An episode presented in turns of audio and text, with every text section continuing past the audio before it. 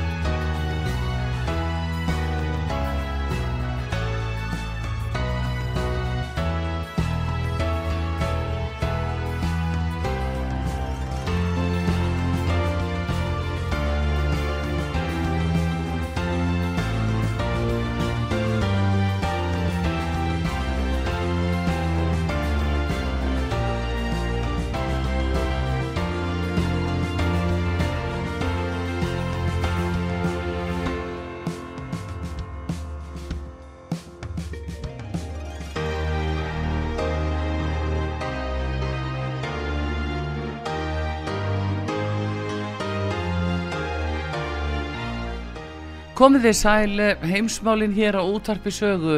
Artrúðu Kallstóttir helsar ykkur. Að þessu sinni ætla ég að tala með Hauk Haugsson frettamann í Moskvu. Núna ætlum við að ræða um stríðið og innrásinni í Úkrænu stöðumála hvernig útlitið er eins og þetta lítur út núna og eldfluga árásir rúsa í Úkrænu hafa heldur betur vakið upp margar spurningar hjá fólki og margir óttast að það muni koma til eh, kjarnorku árása. En eh, við ætlum að ræða þetta frá mörgum hlýðum og eins við vitið, út var saga fer kjarnan í hina hliðmála líka þannig að með þessu samtali fælst ekki endilega samþykki yfir því sem að rússar gera en Haugur hann er búin að vera búsettur eins og þið vitið í áratygi í Rúslandi á þar fjölskyldu og eh, eðlilega þá sér hann þetta kannski með þeim augum frá því umhverfi um, og við ætlum að bara fá að heyra hvernig það lítur út hans megin frá en uh, við bjóðum hann, bjóðum hann velkomin hér og uh, góðan dag Haugur Haugsson Já, takk fyrir það Arnfrís Herðu, eins og ég var að segja að hérna, þú ert náttúrulega búin að búsettur hérna lengi og áttu konu og börn þann úti og um, orðin náttúrulega svona mjög tengdur úsnesku samfélagi það er eðlilegt að þú kannski sjáur þetta að öðruvísi heldur en við hér upp á Íslandi eða hvað? Verður þú varfið það? Já, já, þetta náttúrulega er nokkuð sem að byrjaði ekki í vittur, þetta er náttúrulega búið að vera hérna 8 ára borgarastrið sem að var aldrei rætt um og hefur aldrei verið talað um að einu viti þar sem að 14.000 manns og fleiri að hafa látist sem að er vegna ákveðina stjórnarskipta sem er eiga sér stað í kenningarði í februar, mars, februar sérstaklega 2014 En eins og bara í þinni upphafsorðum Arþúr að þá held ég að margir og ég og aðrið söknum svona analískrar uh, þekkingar og að menn kafi aðeins onni hlutina og krjúfi til merkjar. Þetta er mjög yfirborslegar allar umræður og þetta eru þegar tveir deila allir eiga sög eða eins og segir í gamli góð íslensku orðtæki og máltæki að þá er það allt yfirleitt er að svo leis. En þetta eru vissilega mjög skjálfilegir atbyrður sem að þetta hefur þróast út í áfram núna í, hérna í Östur-Európu eða miðri Európu nokkur negin. Mm. Og eh, sakna, sakna mikið hjá fræðisamfélaginu og fræðimönnum frá með ymsu kaliberi, vissilega eru þeir mísjafnir og margir og tala mískott mál og allt þetta og, og það er ekki þeim vandar, heldur þá vandar, smá ábending mm. og uh, því frikka fróða, en sko Uh, ég held að menn þurfa að kafa eða sjá sagt, og þekkja söguna mjög vel og auðvitað gerum við það með því að, með því að vera búin að vera þarna uh, 30 ár og áfundum hjá Ráðneiti og Lavrov og hans fyrirvændi eða þeim sem voru undan húnum undanleikisráþarum og á sovjettímum reyndar 91, 90 og 91 þá var maður hann undir sovjetvaldi og fréttarittari og, og, og Moskó korrespondent sem að nú þykir fítn póstur. Að kaldastriðinu líkur uh, þeir því, það því tapar rússar sovjetmenn, varsarbandalagi lagt niður.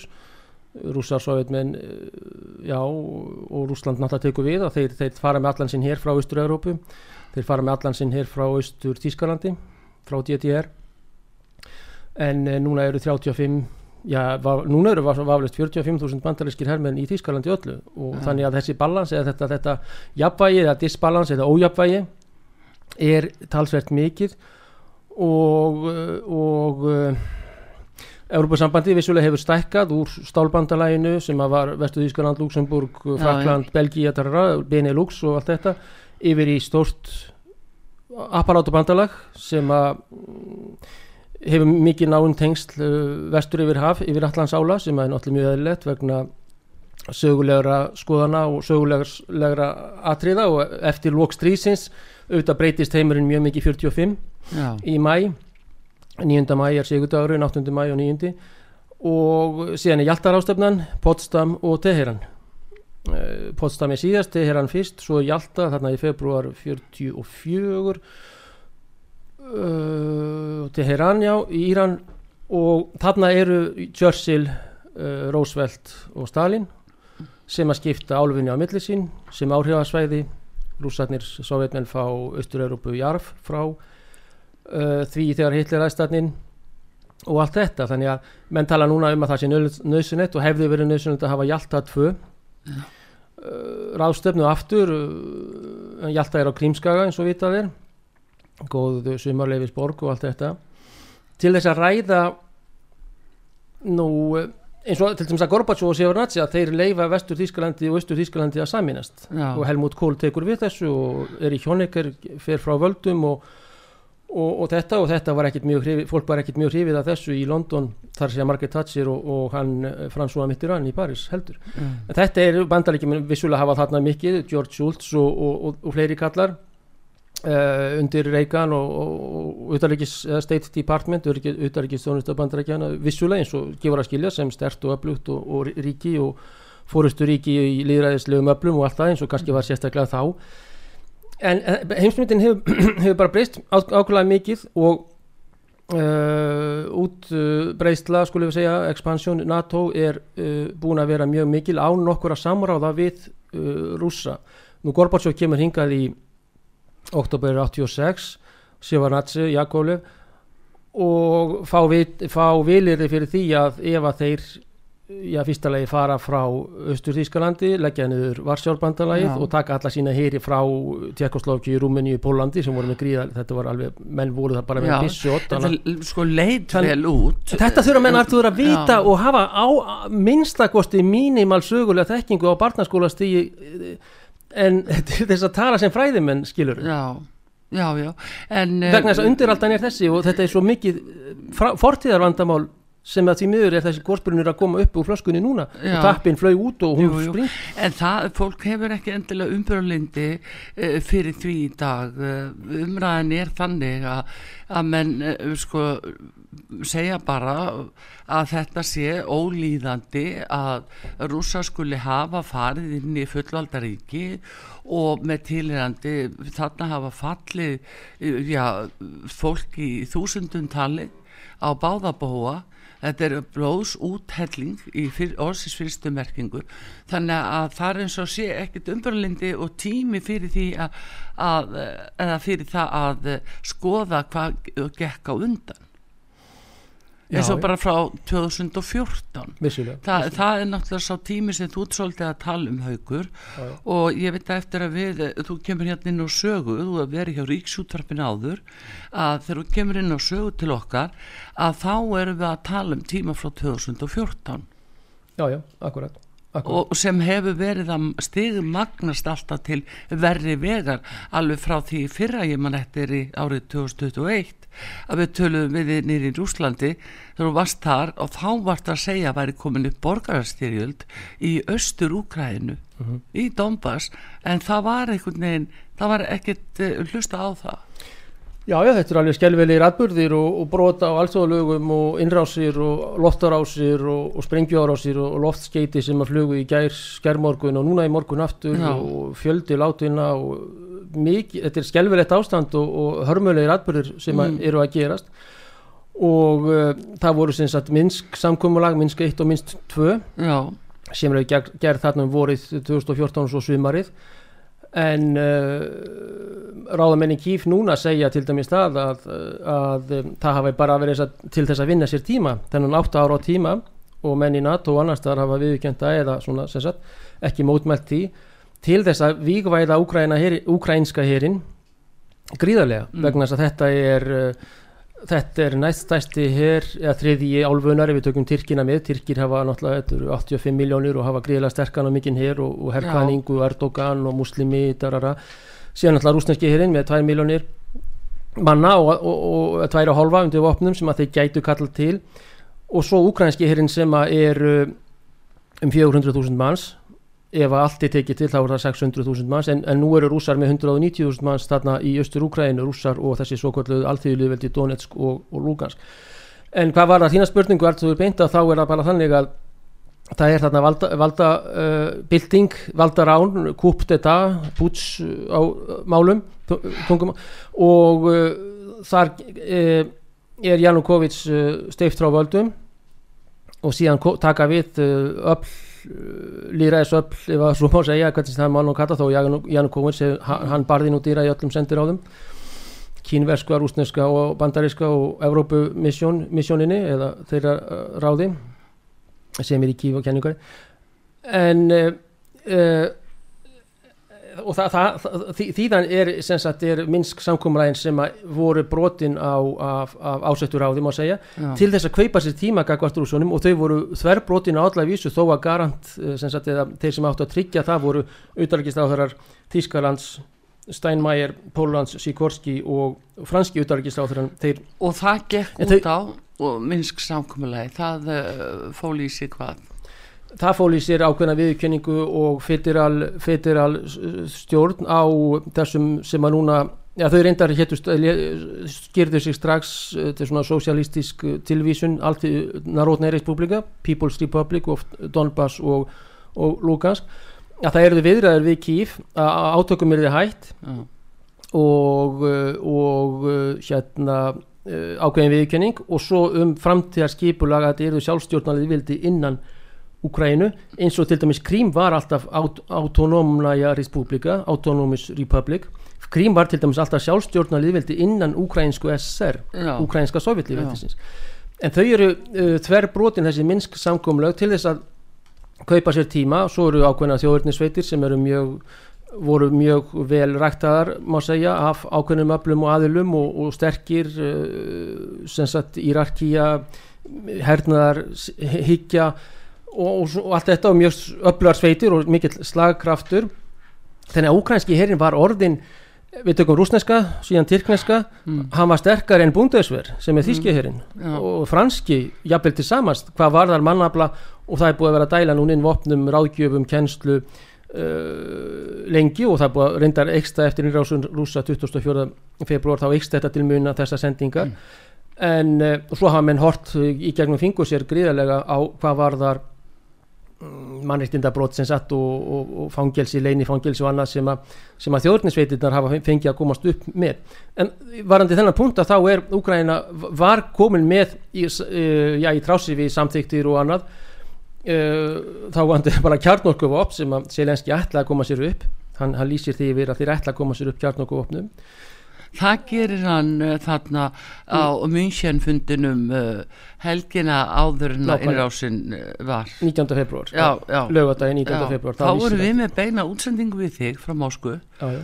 Og þá lýsir hann þessu yfir og það sem vakti aðtikli eh, það voru að viðstattir klöppuðu fyrir honum standandi í glóvata frá. Svab og, Soros eru Já. mjög sterkir í þessum eh, fórum, ökonomik fórum eh, Já. og þessari sikkerhætskonferens í München Já, en segðu mig þá haugur að svona þú lít tilbaka og við hér að þetta er sko innásinni 23. februar Fjó- fjórða mótni eða 24. Mhm. að þarna erum við búin að vera að tala um þetta áður uh, þú talaður um að Lavrov hefði sendt bref í desember á alla utrækisáþra hvað innan NATO óskað eftir uh, aðstóð 45, já, innan NATO og innan uh, Európa-sambandsins og innan ÖSIS samtakana Já, sem já. að ná ÖS, ÖSI er líka fyrir um sovjetlífildin stóðuþessu í Asjum Já. það er að segja 15 lífildi pluss eða, eða Rúsland með náttúrulega Mm. eða 14 mínus þá Rúsland og það eru ÖSI-ríkin sem eru eða, fyrir um sovjetríki í SNG Já. eða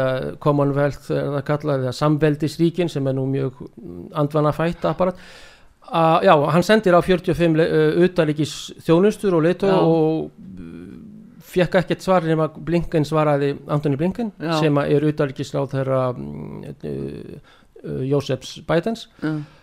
Uh, þannig að það var enginn sem síndi því áhuga nema hvort að Kazakstan, Turkmenistan einhver af þeim lífveldum svöruðu þeir náttúrulega eru, eru vinir þekkja Lavrov og voru með honum í diplomataskólanum og en ég segi svona almennt þá Almennt. var ekki svarað Nei, það var engin áhugi. Líka Nei. sem er líkið latrið og menn þurfa að hafa grunn upplýsingar og þekkingu er, er það að rússar voru búinir að mm, fyrst eh, sem sagt bara request og byggja og síðan demand og þetta Já. eru sagnir eða sem sagt krefjast uh, það viðræðina um Já, þegar við einmitt rifjum þetta upp uh, sko svona í fréttalegu tilliti að þá uh, fór það ekki á milli mála að það er Joe Biden bandaríkjafósiti sem byrja strax í janúar að rópa það á nánast á hverjum degi í öllum fjölmjölum að rússar væri að fara inn í Ukrænu hvar fekk hann upplýsingar um þetta hversu mikið var það skipulagt já, er það leinið þjónustan eða uh, hva, hvað var það Þetta er mjög góð spurning, Arþrúður, vegna þess að eh, 120 dögum, þar að segja fjórum mánuðum fyrir uh,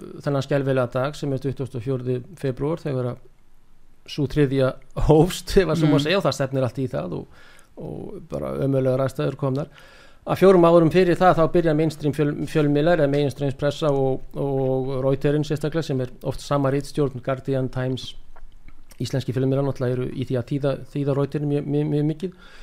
Gætu verið í fleiri uh, hérna uh, upplýsinga uh, resursum eða sagt í killer í, í, sagt í því að fá fleiri á dansku er að kille sem Já, sagt, uh, en- en- en, en þarna kemur sem sagt að, að uh, þeir ætli sér að ráðast inn já, á eftir nokkra daga, eftir viku, eftir tvær, eftir þrjár. Já. en þarna vita ákveðnar, já eins og þú segir þjónustur sem að eftir villir talsverðum eða einhverjum tengslum við eh, hvað á að vera helsta fréttin í dag. Ég veit ekki, það eru kenningar í mísa um það að það séu mikið stjórn, eða tengslar á milli milli þeirra hæða í einhverjum byggingum og Já. blokkum í nákvæmni þannig að menn skulum við segja með fjórum mánuðum þá vissu menn og sögðu og fullirtu Putin ætlar inn, Putin ætlar inn og svo fyrir hann já. Þannig að þetta er nokkuð sem að var ekkit skilur ef að stríð, ég meina þegar að Tyrkir þarna fyrir fara 73 í uh, Kýpur, já, þegar að darara, uh, hitt og þetta í stríðsögunni, þá er það bara afar ó,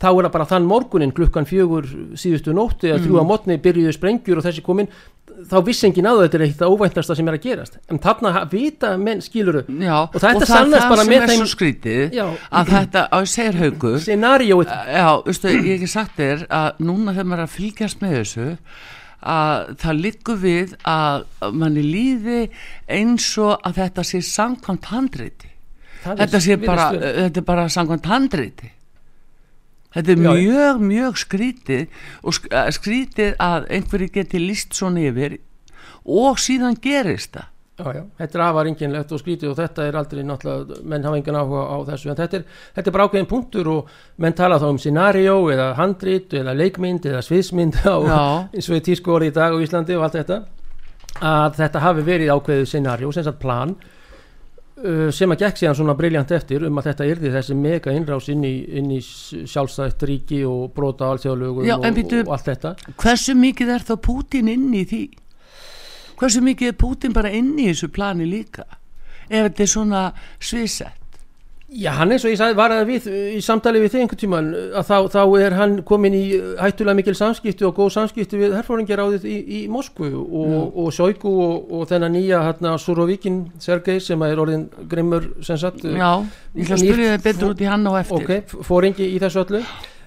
Og kannski þeir voru öryggið með sig eftir eftir Sýrlands að hafa unnið ásamt Assad stjórnarforsita stjórn, ríkistjórn Assads forsita mm. Sýrlands í því að koma Ísis frá þaðan. Það áttu að náttúrulega steipa Assad frá völdum.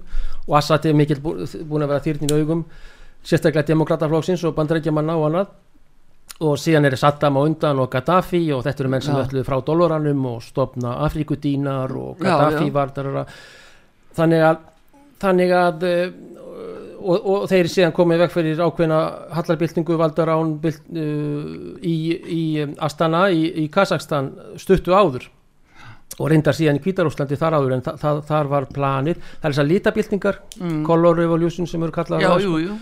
sem hafa farið hann eins og eldur í síðu og það er greinilega að margra mati skulle við segja uh, planið að hitta vel undir Rúslandi á öllum výstuðum þarna rétt hjá við Kákasus, nú er Armenia, Azerbaijan uh, og annað svo er náttúrulega stríð sem aldrei minnst á og ekki eru tap og það eru ég meina fleira. já, Þannig, það, já. Eh, sko haugur, þetta er bara orðið svo skrítið að hérna að leikmyndir af þessu hún er eins og eftir handriti Já, það sem blasir við. eða sko segja... ef þú fer að skoða til dæmis hvað hva menn samþykja í Davos segjum það, jú, jú. Putin var í Davos hann var þar, já, já. hann var aðeins beilinsmenn við 2020 og þá reyfst hann daldi við þá.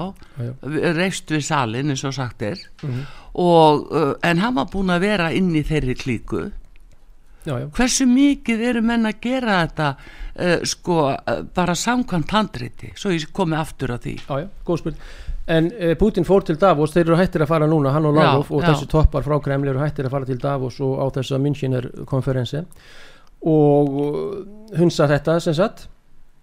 Og verður náttúrulega ekkert bóðið núna eftir þetta, sérstaklega eftir allt þetta sem að er að gera þannig að uh, vissulega eru Economic Forum og, og Soros og fleiri mjög sterkir aðeinar og það er ákveðið yfir þjóðlegt vald mm -hmm.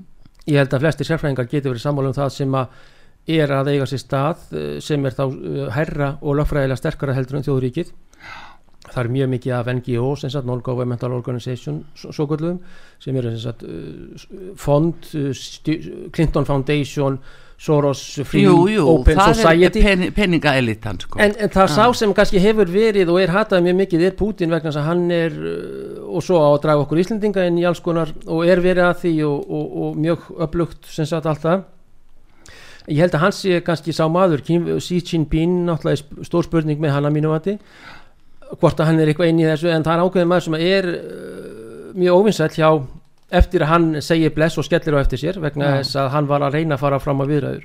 Og, og var afróf sérstaklega sem er náttúrulega á utanrikiðsfrontinum og þetta er bara starrindur og ef maður nefnast eitthvað um þetta þá er þetta þá er þessi blögg og þessi 45 bref sem að enginn svaraði. Já. og ekki reykja þannig að þannig að það er ákveð yfir þjóðlegt vald skulum við segja sem að er mjög stert og oft ósynilegar hendur. Og mm. svo er náttúrulega líka að demokrataflokkurinn er mjög handgengin því uh, það tekst að koma uh, bætin í stólinn og Já. COVID-kostningar og má gaggrina þessar bandarísku kostningar á ymsa vegu og hversu hann er færum að stjórna og, og, og sumir segja að hans stjórni í rauninni minna en vera, vera Já, hann allavega kemur fram og það, hann, eh, hann eh, talar fyrir því að uh, auka fjárstuðning og, og fyrir því að auka vopnin og hann hefur verið mjög leiðandi í því að senda vopn já, já. á svæði það, það er ekki friðartali hann neita að tala við Putin á fyrstu dögunum eins og hafi verið fyrirhugað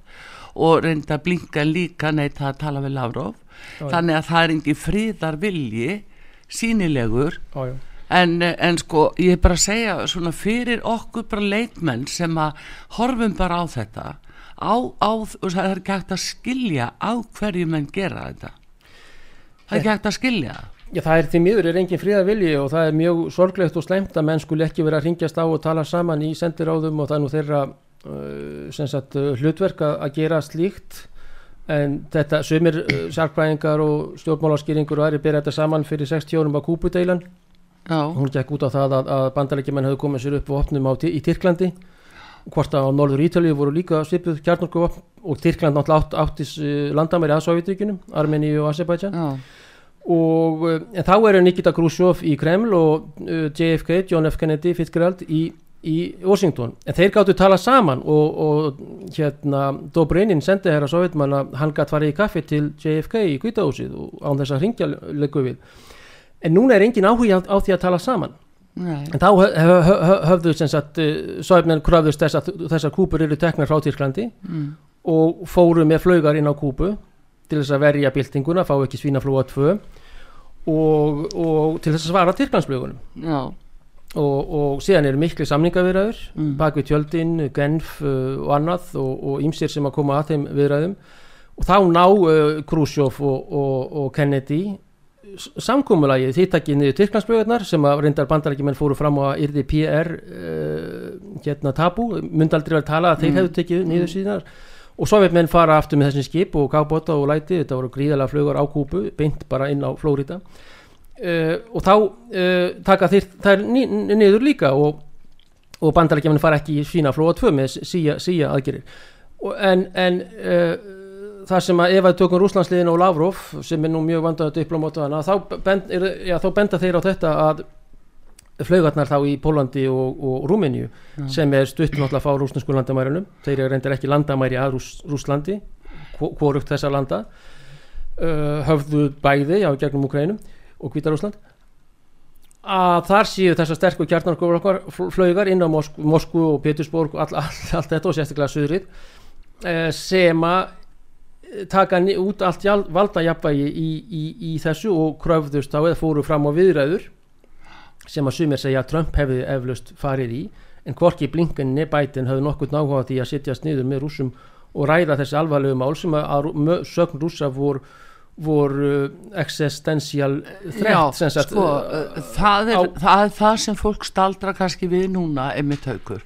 Það er þessi óvilji á því að uh, setjast niður og reyna að ná einhverju samkomulagi, reyna að stoppa þetta. Heldur það bara gefið í uh, og meiri vopn og harðari og, og fleiri dráp. Já, já, Það, sko, það er þetta sem að, að er óskiljanlegt að menn sækist í og virðist vilja. En, en hérna um, það er það er nefnilega mm, einhver skýring hver er í þáu hvers er þetta? Hverjir eru til dæmis að græða fjárhagslega á þessu? Jú það eru vopnas framleiðendur og, og það er uh, peningaelítan sem að og kemur reyfing á fjármagn uh, þú veist út að lánum þetta veikir fjárhag þjóðríkja af því að þau eru náttúrulega að að gefa mikla peninga þarna til Úkrænu já, já. og uh, þetta veikir fjárhag uh, það er, þetta er á margan hátt svona svipa því eins og kom upp í sambandi við COVID-faraldurinn að, að það miðar að því að veikja fjárhag þjóðríkja þau eru að kaupa lif núna voru bandaríkja menn að kaupa lif fyrir 41 miljard uh, sem eru lif gegn uh, á, eftirkostum af uh, kjarnorku uh, hérna árás. Já, já, þannig er lifin komin líka inn í þetta. Já, já, já. nei hvað á fólk að halda Já, þetta eru bara skelvelegi tímar Artrúður sem að við lifum á og, og þessar hrikalegu lottarásir og, og rússa munu eftir við halda áfram að inn á þarna allar borgir frá vestri til suðus og norður til austur sí Já. allir í Úkrænu þetta er náttúrulega alveg ömulegt og skelvelegt ástand og, og hrikalega raðgerði sem eru, eru byr, byrjaðir í, í, í þessu gangi í þessu, þessu, þessu. En þetta er fyrst og fremst þá svar rússa skulum við segja, Meina, ég, ég er svolítið rættur um að rússa séu farin á Ísraelslínunum eins og Ísrael hefur verið gegn sínum fjandmönnum og, og Hamas, Hezbollah og öðrum, öðrum hriðverkaöflum og þetta, það er bara eitt, eitt högg og þá eru tíu högg tilbaka en þetta er nokkuð sem að maður er að sjá frá Kreml núna, Já. frá Súrovíkin og, og já, Putin sjálfum, hann var að við því að ef að þeir heldu áfram aðgerðum gegn rústenskum innviðum þá myndu þeir svara enn hærra og þá Já. er eins og Ísraels menn að gera tíu högg í stað eins og, og, og, allt þetta þannig að þetta er náttúrulega alveg uh, s- s- skelfilegt uh, dæmi og, og hvað sem, sagt er að gerast. En svo eru aðri sem að segja að það sé proxy svo kallar stríð, það er staðgengils stríð og annað og þá er það sem sagt fyrst og fremst bandargerðstjórn og bætin þá með NATO fyrir framansi og svo sérstaklega Úkrænu í þessari baróttu við rúsa vegna þess að auðvitað hefði Úkrænu aldrei geta staðið einn og, og gegn rúsneska hernum sem að er vissulega mun sterkari Nei, menna eru en- menna að leika sér að því virkilega að, að uh, nota Úkrænu bara sem skotpall og, og, og saklust fólk sem þar býr? Að uh, er þeir bara er þeir virkilega að að horfa fram hjá því hversu alvarlegt það er til þess að geta hamast í þessum vopnum? Já, menn ætla Ég sér er það að- náttúrulega verið að segja sko að ég er rosalur hernaðar anstæðingur og ég horfi á það að sjá alla þetta þessa svakalegu vopnatilburði. Já, já. En aðalmáli er það að það er ekkert, ekkert samtal og það er enginn sem vill ta- hafa samtal og það er ekkert frumkvæði frá því á Vesturlöndum, rússarnir hafa eitthvað sagt og Lavrov hans fólk um það að, að það þurfi að tala saman og setja snuður en þetta er ekki tótt hvorki frá Stol- Stoltenberg eða Biden í Brussel og, og, og, og, og Washington. þá voru 22. september voru fangaskipti Mm. Og það er ja, hérna voru Tyrkir og Sátar, Sáti-Arabar sem að stóðu að því og voru frumkvöluður að því. En það er ekki neitt sem að bendi til þess að menn ætli að stoppa ætli að, að tala saman ætli að, að, að halda, halda samtali. Og já þetta sem ég var að tala um áðan þá er það náttúrulega árásan á brúna undaginn Já, á Já, og svo þegar Kertsbrúna, og svo þegar Nord Stream 2 var sprengt upp. Já, Þetta er það sem að held ég hafi tekið steinin úr þegar að hvað var það að gera Putin brjálaðan í því þetta eru búin svona gæluverkefni hans hafa verið að selja þetta mikla gas inn á Evrópum já, og svo kemur það skemmtaverk og svo er reynt að sprengja brúna. Þannig að það þeir segjast vera að svara því og þá er þessi Ísæðisfaktor sem er myndist á áðan sem er Já, mikið já. áhyggjuhefni með, með mikið dráp og annað á fólki og óbreyttum og, og skelvelegar afleggingar og annað sem að virðist vera að ná kannski upphafinu eða betri tökum í Moskvu frekar en friðardúðunar já, og, og síðan er eitt að þeir telja þessi fjögur nýju landsvæði núna part af Rúslandi Já. og að þetta, ég þetta er bara vi- tilvitnun en einu sinni að árás á Rúsland mun vera svarað af fullri hörku já, já. þannig En að þeir, sko- já, og, og eftir þessi atkvæðagreislur og allt þetta en náttúrulega undir mjög enginlegum aðstæðum og þá telja þeir lögfræðilega sér de facto og öti júri að þetta séu rúsnesk landsvæði. Og þarna er rúblan byrjuð að ganga, grífnan var þarna. Já. eitthvað um dólar og eurur og allt þetta eins og gengur og, og það náttúrulega er frjálst fla- fall á grífnunni sem er ukrainski gjaldmiðlin en, en þannig að það, það er gríðalegt áhyggju, á, áhyggju efni og, og uh, að þetta minnist í magnast já. Já, það er, sko, ég ætla ekki að koma þér illa haugur uh, af því að ég veit ekki nema kannski að koma sér illa fyrir þig ef að, að vera að spurja þig mikið út í þetta svona rúslandsmegin séð en auðvitað er fólk núna að uh, óttast kjarnorku árás og við, það er vitamál að uh, rússarnir hafa að tala á þeim nótum og umheimurinn allur hann skelfur kannski að tilhugsuninni. Já, já, þú Hversu minnist mikla líkur eru á því? Hvað finnst þér, hvað hefur þið séð eitthvað í rúsneskum fjölmilum eða, eða eitthvað sem að einhverja vísbendingar um að, að þeir muni fara í, út í það?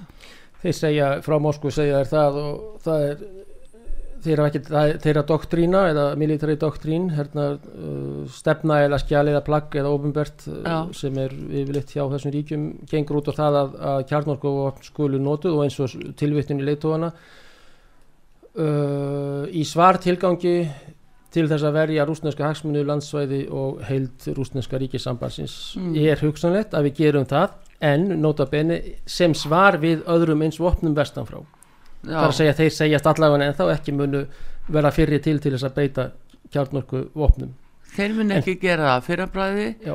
en uh, muni svara í sömu myndi ef að eitthvað slíkt gerist. Já og það voru aldrei að vita vegna þetta eru litlar geta verið mínu kjarnorku sprengjur sem, sagt, sem eru þá mjög staðbundnar og allt þetta en náttúrulega með mikla geislavirkni og og ni- fall sem sagt á ríki og, og þetta en, en það, er hægt, það er náttúrulega hægt að hafa þessar sprengjur á ymsu tægi Já. þá er það, það er mælt í kilotónum og megatónum og, og, og þá er það verið að um sem sagt kíló mega er náttúrulega er þúsund og miljón, já, gigaterra allt þetta, þessi 3-0 hérna já, eh, f- hérna jafn gildi TNT Já, og það, já, en, en, en þær eru einhverju, hvort það er kíl, nær kílótonni, ég veit ekki. En, en, en, en, en þetta er því miður og þetta er stór hættulegt og, og menn eru Já fættir sko, að kaupa maður, það, það sem maður slæri í, þessu er að það er svo Nord Stream uh, hérna, leyslan nú er skemmt, nú líkur það fyrir það var skemmdaverk Mhm. og það verið stengið vita hver gerði það Mhm. uh, þetta er skemmdaverk líka sömulegis á Kersbrunni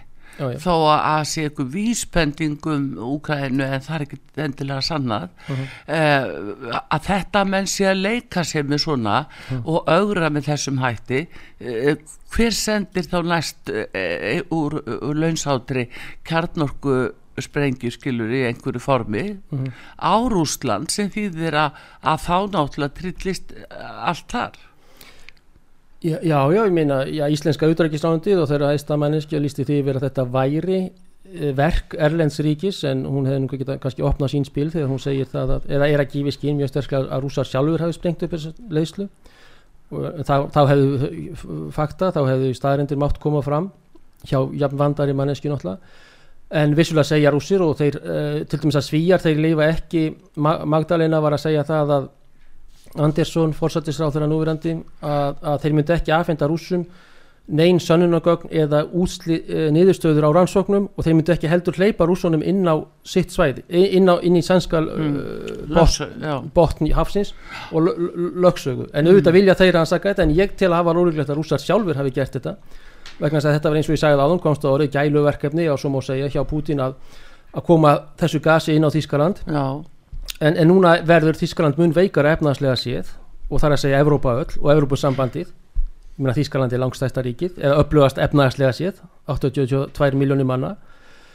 Og og, og, og, og, og klá, klárlega verða mikil vandræði í þýskum yðnaði fleiri, fleiri fyrirtækja hausinn Jú, og annað. jú, jú, en, en, en að við. hafi sjálfur sprengt sprengjun uh, við leysluna það, það eru afar ólíklegt en, en hérna þessi gæluverkefni 2, þetta er nokkuð sem að, já, brúin, þessi 20 km brúnastu því, sem að tók, 19 já, tók Já. stuttan tíma. En, en, en þetta er þessi stigmögnun Já. og þetta er til þess að- reyta þennan blessaða björn til, til reyði og eins og Bismarck, Otto van Bismarck sem að fættist fyrir 200 árum. Já, hann bara sagði bara smá tilvötnun ég veit um hundra leiðir til þess að etja rúsneska byrninum út úr hýði sínu. Já, bara pikka í hann með priki eða eitthvað sparka í hann og, og klípa í eirað þá vaknar hann ég veit ekki meina leið til að reyka hann aftur inn. Þetta Nei, er svolítið sem að Bismarck segir sem að er eh, já, vönduð yfirlýsingu og þá er hann að tala um keisra hér innan já en, En þetta er stór hættulegt og það að kjarnorkus bara Já. vá yfir okkur og okkar fjölskyldum og fólki hvar sem við erum í, í Evrópu. Já, og þá auðvitað ef þú skoða bara heildar eh, myndin af þessu að þá er ekki tægt að líta fram hjá því það er stefna að fækka mannkinu það er bara bullandi stefna. Þannig að hva, hvað það þýða þetta fái að viðgangast í svona án þess að, að það sé með afgerandi hætti reynda stöðva en ég ætla að ræða það betur við þig hér og eftir Haukur Hauksson við erum að útvarpi sögu Artrúð Kallstóttur og Haukur Hauksson fréttamaður í Mosku og höldum áfram að tala um þessa óhugnalegu stöðu sem að uppi er í stríðinu Heimsmálinn í umsjón Artrúðar Karlsdóttur. Fréttir og fréttatengt efni af Erlendum Vettvangi.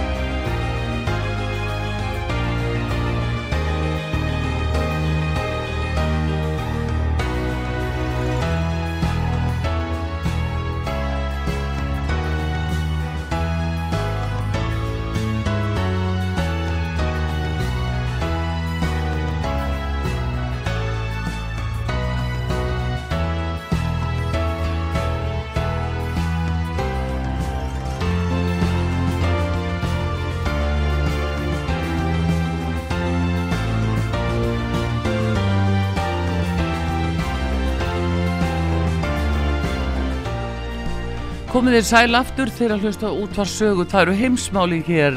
Artrúð Kallstóttir að tala við Hauk Hauksson, frettamann í Moskvu. Við erum auðvitað að tala um stríðið og hérna hvaða byrtingamindir eru að koma í ljós margt er mjög óskiljanlegt fyrir venjulegt fólk en, en hérna haugur uh, eins og vorum að tala um það er það er tilgangurinn með þessu og það að Pútin stýri þessu svona rúslasmegin að þeir virðist einn. En nú er búið að gera einhverja breytingu. Hann er komið nýjan mann í brúna uh, í árásarherin á Úkrænu sá hinn sami hann uh, hafi verið í Sýrlandi segðu okkur að um hann Já, þennan nýja? Sergei uh, Súrovokin heitir hann uh, er sem sagt fættur 66 uh, 55 eða 56 ára hvort hann er já, mann, og, og, sem sagt um, var í Sýrlandi uh, þá sem sagt í Aleppo og þessum borgum og er einn af þeim sem að er á bakvið því að sigur stjórnarhess Sýrlands gegn uh, gríðilega sterkum ISIS og Al-Qaida sveitum sem reyndu að steipa Ba- Bashar al-Assad fórseta landsins. Já, í nokkur ár áður en að rúsa fara hann inn 2011 ef maður rétt. Og kannski áhækjafni líka er það að hann er í þessum bláa búningi sínum þar að segja hann er úr flughörnum já, Vazdusni Vajinni Stíli Rassíski Federatsi og uh, það er eftir vil merki um það að þeir ætla að beita flughörnum meira vissulega flær, lær, na, eh, ræður fyrir geðu flughörinn, hann ræður yfir þessum stýruflugum, kalíbar mm. og fleiri sem hafa verið að lenda í morgun um flest, stó, stóran part Úgræðinu og sérstaklega í gerðmorgun uh, snemma á mótni að þá fara þessar flugur á stað og hann ræður yfir þessum flugher og rakettu sveitunum líka. Hann var yfirmaður uh, Júk sem sagt uh, Suðurfrontsins þeir hafa front Sivert sendur í Júk, það er front Norðurfront, miðjafront Suður þegar þeir yfirstu inn sem sagt í Úgrænu frá Kvítarúslandi, frá Norðurpartinum frá Krím, þá var þetta skiptið þrjá fronta. Þetta er nákvæmlega sama og Guderian og fleiri sem sagt í Barbarossa áallunni í júni 22. júni 41 þá hétti þetta sömu nöfnunum sem er náttúrulega skiptir yngum mál front uh, mitt uh, nord-syd en hann var yfir suðurfrontinum uh, sem að gekk miklu betur. Það skýrist á því að þeir hafa náð Kherson og Sabaroshi Mm. svæðunum.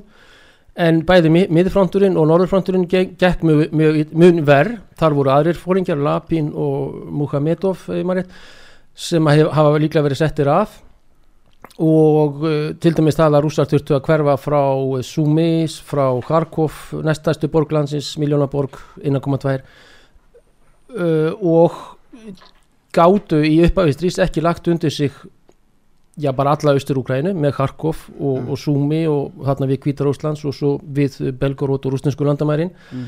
en hins vegar Suðurfronturinn gengur miklu betra hjá Suvorókin strax þannig að hann er núna komin yfir alla, uh, allt svæðið og Já. þetta eru výlina upp á uh, uh, sem sagt uh, 1500 kilometra um það já, gríðar löng výlina ég meina ringvegurinn okkar er uh, 1333 kilometrar um það bil.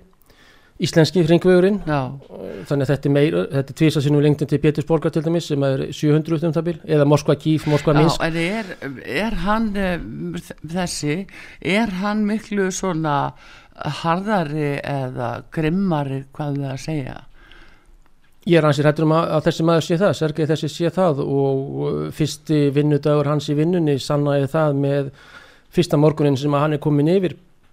Þá byrja þessar uh, kalíbur gríðarlegar loftarásir á Ímis skotmörk sem að þeir segja, hann sjálfur.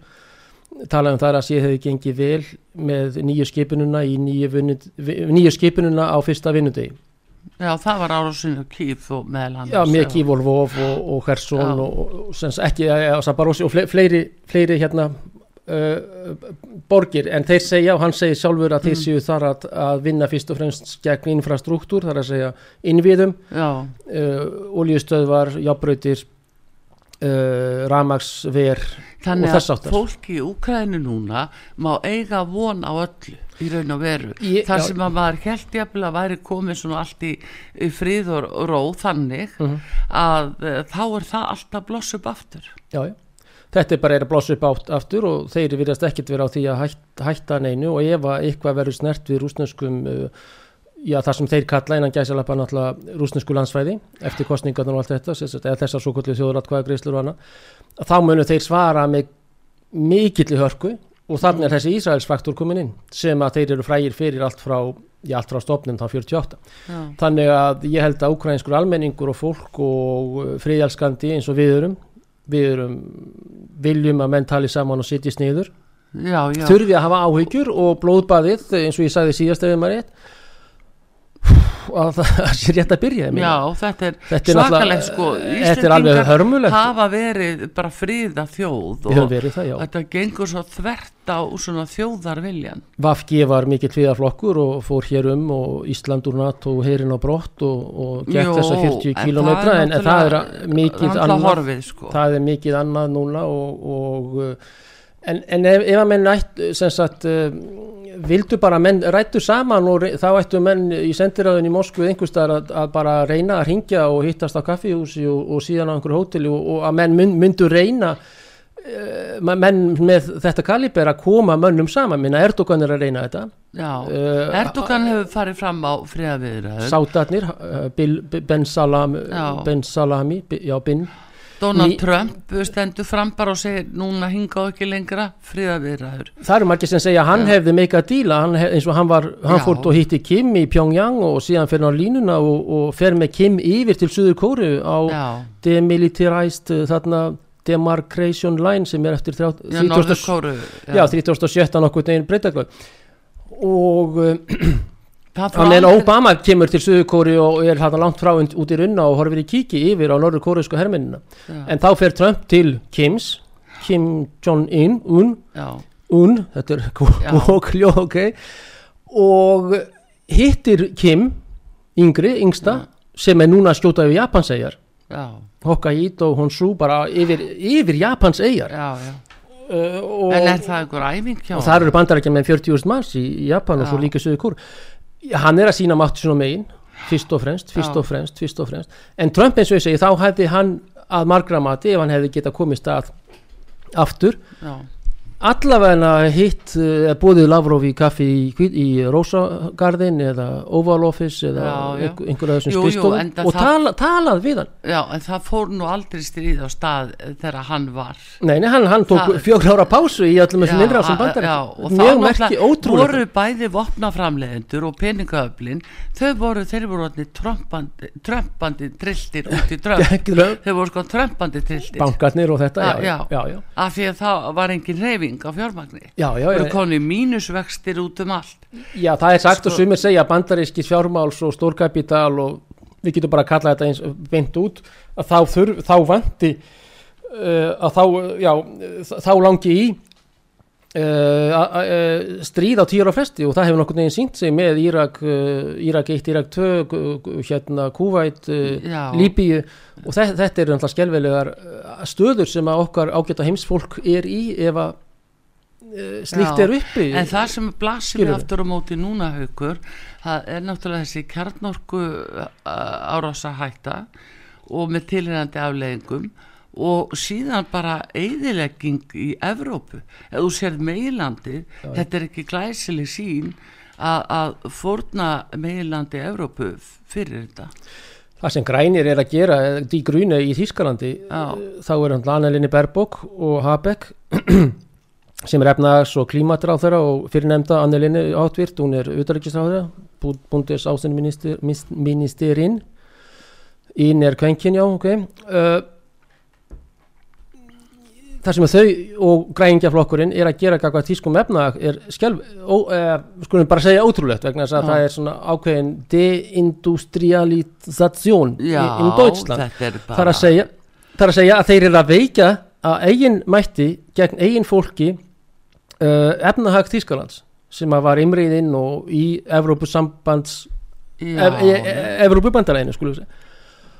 Og, og, og hérna og hún segir það er mikilvægari fyrir mig að styrkja og berjast og styðja og dæla pinningum og vopnum inn í Úkrænu sem að hátvittur fórsýstisráður okkar líka sagði núna rétt á í, í, í útvarpinu við þurfum að auka, auka, auka peninga og vopna og annað. Í stað þess að ég hefði frekar verið hrifnari að Katrinu með ef hún er sagt ég ætla að ringi Átnáþóri í Moskvu ég ætla að byggja hann að ringi einhvern Lavrov, Marju eða einhvern og reyna að uh, talaði við Tyrkinni, talaði við hérna Sátana, allir með sendiráð, fín sendiráð móttökur, kokteilar í Moskvu reyndu núna að, að, að koma mönnum að borðinu. Og þetta er Já. okkar öll þetta ætti að vera öll þessar ágættu eigi sem er á milli hérna í Norður Allandsafi þessara stórvelda og, og, og sem tradísjón sem hérna uh, frá 86 þegar Gorbatsjóf og Reykján koma að hinga mm. og fríðar allt þetta uh, sagt, samtal og tal og, og á flottum stundum þá ætti þetta að vera verkefni 1 og 2 fyrir okkar stóru og, og, og öflugu menn sem, sem er í ráðnöndum og stjórnum og, og þetta. Þannig að, þannig að menn eru sagt, í rauninni að hjálpa til að þetta haldi áfram í stað þess að menn reyni að stoppa auðvitað þarf að stoppa Putin og þessa, þessa herfóringa í Kreml líka það, já, já, ég segi þannig að hugur þess að fara að spurja hver stýrir þessu handriti Það, þetta er bara góð spurning. Hverjir stýra þessu handriti? Handritið er skrifað og átt að gerast og eh, eins og þú segir að Trump hefði megadíl á mjög bondri íslensku, komist að sankumulagi, sest niður og talað. Já. Ég meina, hann var í þokkala, hann hitti Putin í Helsingi, já, já. Uh, hann uh, hitti Lavrov Mjörgusinnum bæði í New York og annar staðar og í Európu, Genf og hinga og þanga og þeim kom þokkala vel saman og Lavrov er topp, meira elegans í diplomasi er, er ekki hægt að hann er, hann er mjög sem sagt, ef maður tekur aðra ráð þeirra þá ok, allt ræð, en, en, en hann, hann er mikill fagmaður, skulum við segja, mm. hann eh, Sergei Lavrov. Og uh, hérna þá hefur þeir allavega að tala saman og það er náttúrulega alveg ljóst að eh, stjórnvöldi kíf núna eru sett á eða hafa mik mik mikið að segja hvað mennitin fyrir vestan og vestar og vestar, þar segja sérstaklega í Washington og, og, og Biden fer þarna til dæmis er tíður gestur í og, og, og sonur hans varir í Kíf Já. Eða sínir, jáfnvel, veit ekki hvað. Jú, bæði tím, það er nú að nýjasta nexti í bandaríkjónu núna. Það er bæði, það er ekki bara höndir það er tímbróður hans líka. Já, það er öll fjölskyldan sem grætti á öllu þessu. Já, En þeir hefur alltaf sest niður og hvort að til er svon sem var hérna auðvitaðsráð þeirra um tíma eða einhver af hans mönnum uh, hefði þá, og hann sjálfur að sálsu, hann sjálfur og baðast í í uh, sviðsljósi fjölmiðla og hann hafði gaman að því og allt þetta og, mm. og karakter sem sagt og sumum, sumir hata mannin og annað. En allavega hann hóf ekki stríð á fjóra, fjó, fjórum sínum árum og hann hefði eflaust uh, ef hann hefði ja, verið í þessum kostningum og fengið sem sagt jákvæð úslit og allt þetta í enginlegum kostningum að sumuleiti þá hefði þetta ekki að margra mati, ég er ekki að hérna mm. sem sagt Haugur Haugsson fullirir en þá er að margra mati að þá hefði alveg öruglega hann talað við þá. Og þessi skjálfölu atbyrðu sem að núna er að gerast hérna í Európu hefðu ekki ha hafist með þessari uh, grimmu hörði brútal innrást rúsa þarna í lók februar Já, já, en það er hins vegar svona staðan í dag haugur að uh, er Pútin alveg einráður um uh, hvað er gert? Eða er það herráðið sko, við rættum þetta aðeins síðast þegar við töluðum saman að, að hérna herráðið jáfnvel væri ekki dánat með það að, að þeim finnist Putin ekki gera nógu mikið mm -hmm. Þá var Putin ekki búin að skipa uh, Súrovíkin í ennbætti Sergei þennan en það er, það er merki sem, sem að er að gerast núna og gerðist hvað á sunnudag eða Já. bara fyrir tveim, tveim, tveim, tveim nokkrum dögum, það merkir það að, að uh, Putin sem að er vissulega yfirmör herr Ablans, Já. svo er herr Ráði svo er Varnamál og Ráðfjörða, Sergei Sækú og fleiri en þetta, þessi, þetta, þessi leikur Pútins eh, er full, fullkomlega uh, þess aðlis að þeir ætli að uh, herða aðgerðir, Já. þeir ætla að styrkja herin, þeir eru konið með 300 manns uh, kvatta í ákveði varalið eða sem, sem er á þá að taka þreita út og, og ferska inn á, á frontana. Þá er þeir náttúrulega komið með halva miljón 490.000 190 pluss 3 meðan hinnir hafa þessar já, 350-400.000 núna innan vapnum en þeir, þeim fækkar vissulega og rúsum líka en úkrænumannum meira vegna þess að svömi segja að þeir noti aðferður úr fyrir heimstyrjöld mm. með þessi áhlaup sín sem þessi ofta skipun Selenskis og Selenski sé ekki algjör sé ekki þessi hinn besti herrfóringi, hann er náttúrulega leikari að ætta og uppruna. En þetta með fullri verningu fyrir gó, gó, góðum dreng og allt þetta en, sagt, allt en uh, að þetta sé sagt, þessi skipun sé þess efnis að uh, það sé ekki ætlun rúsa og ég held að það sé alveg rétt mat að stoppa stríðið heldur ætliðir sér lengra í austur þeir ætla sér að herða árásir þeir ætla sér að ná eins mikið og þeir geti og uh, þeir segja að við erum tilbúinir til samningavirðaðina en það er ekki að eða, ef að slíkt er uppi ef að þeir fá ringingu frá einhverjum stöðum þá væri þau tilbúinir til þess að þeir vilja sittjast niður og tala, tala, tala. Mm. en það er ekki sem að bendi til þess að þeir ætla að stoppa þessa gagsótt og menn búast við gagsóttn aftur hjá rúsum og þessi tvö atriði með Nord Stream leiðsluna og brúna Já. þetta er nokkuð sem að er enga veginn til þess að róa rúsneska björnin sem að er og þetta er eld og þetta mun bara uh, gítla þófana á, þessu, á berninum sem að þegar í miklu, mikill barnaðastellingu rúsneski björnin. Já. og það, hann verður ekki eins og Birsmark sagði það er ekki takt að reyka hann inn í hýðið aftur og láta hann sofa þar í tíu ár eða, eða hundrað eða eitthvað þessi rúsneski björn og hann vaknar ákveðum fresti alltaf. já, Napoleon, Hitler, svo aftur já, núna þetta er skjálfæli en nú samt sem aður haugur sko, þá eru frettir af því að bæði mótmælum í Rúslandi og, uh, og fólk sé að flýja það uh, menn sé að flýja það að þurfa að fara í herin veist, uh, þetta er ekki sko álíklegt ástand Nei, nei, ég fenn nú hérna fljóðlega og, og hérna... Verður þú kvartur í herin heldur eða? Nei, nei, ég verð það nú ekki en, en fenn nú til Ístanbul fyrst, mm. Miklagarðs, Konstantinopel, mm. viðræður þar og annað, en hérna, uh, svo flýgur Európa-sambandi náttúrulega ekkert, þannig að ég fenn nú ekki herin, ég hérna, vafalust ekki, en uh, engin hægt á því, En það eru mótmæli hjá, uh, í stórborgunum eru mótmæli og Já. það hafa uh, þúsundur eða hundru þúsunda eða týjir eða hundruð eða ég veit ekki nákvæmlega með það flúið og farið uh, til uh, annara landa, nákvæmlega landana í, í östri og sérstaklega náttúrulega í vestri og sögri og, og hins vegar var einhver yfirlýsing frá Kreml hvort það var fara Putin einhverjum um að strákar komið bara til aftur ykkur verður ekki drefsað, eitthvað svona já. að því sömur líka bara dýnum á einhverjum já, brautastöðum og farfuglaheimilum og, og, og eru að reyna að sofa þetta af sér þetta stríð en auðvitað þeir á skrá sem mm. hva, hva, her kvattir og það var mjög allan að hér á sovjetímanum dýþur týr var að kalla dí, dí, já, liðslaupi voru mjög strangar uh, hérna í den tíð var, var mjög strangu viðlögð öruglega um allan heima að, vera liðslaupi Já. og enni þessu er skemmtilegt kannski að segja eða það er að segja það að, að Olof Palmi og sænskir demok, uh, sosialdemokrater að þeir uh, taka mótið nokkuð þúsund bandariskum hermönum sem er að flýja Vietnamstriðið og þeir fóru til Svíþjóður, flugu til Stokkóms eða hvernig sem það var með SAS eða flugleðum eða hvernig sem það var lendu kannski hérna, mm.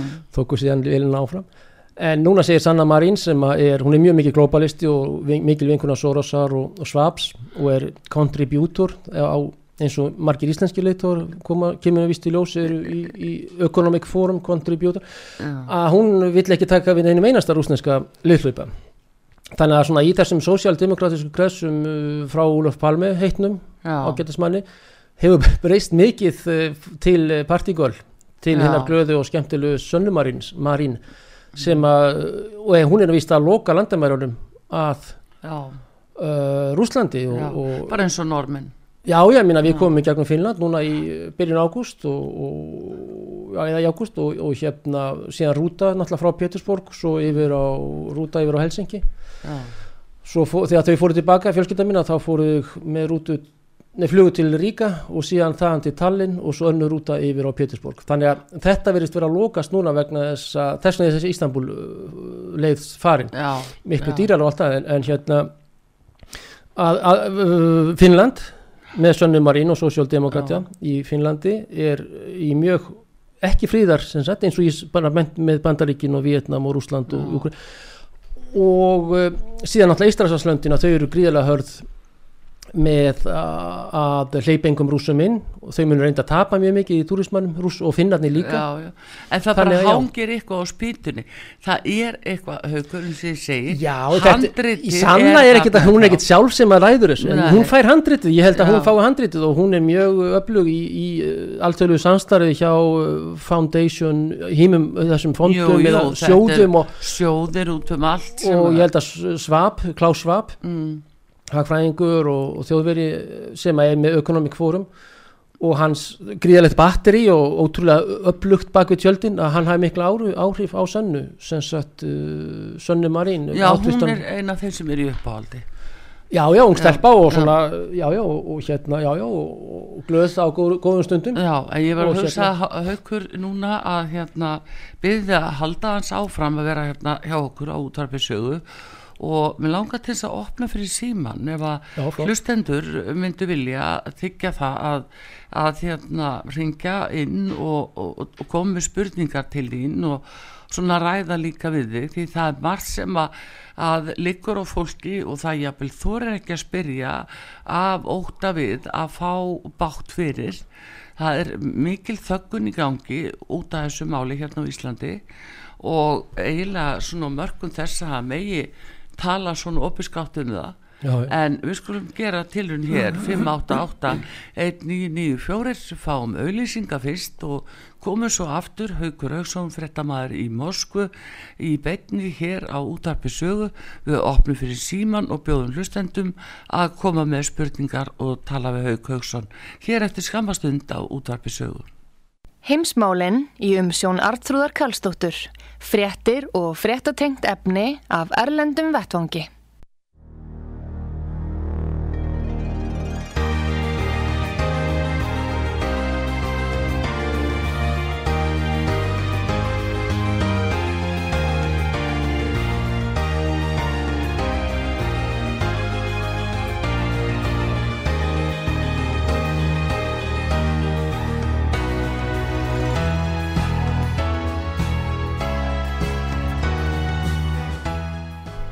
Komið þér sæl aftur heimsmáli hér á útvarpi sögu. Artrúðu Kallstóttir með ykkur og Haukur Hauksson, fréttamaður í Moskvu. Við erum að ræða um stríðið og uh, helstu atriði sem að, uh, tengjast uh, ástandinu.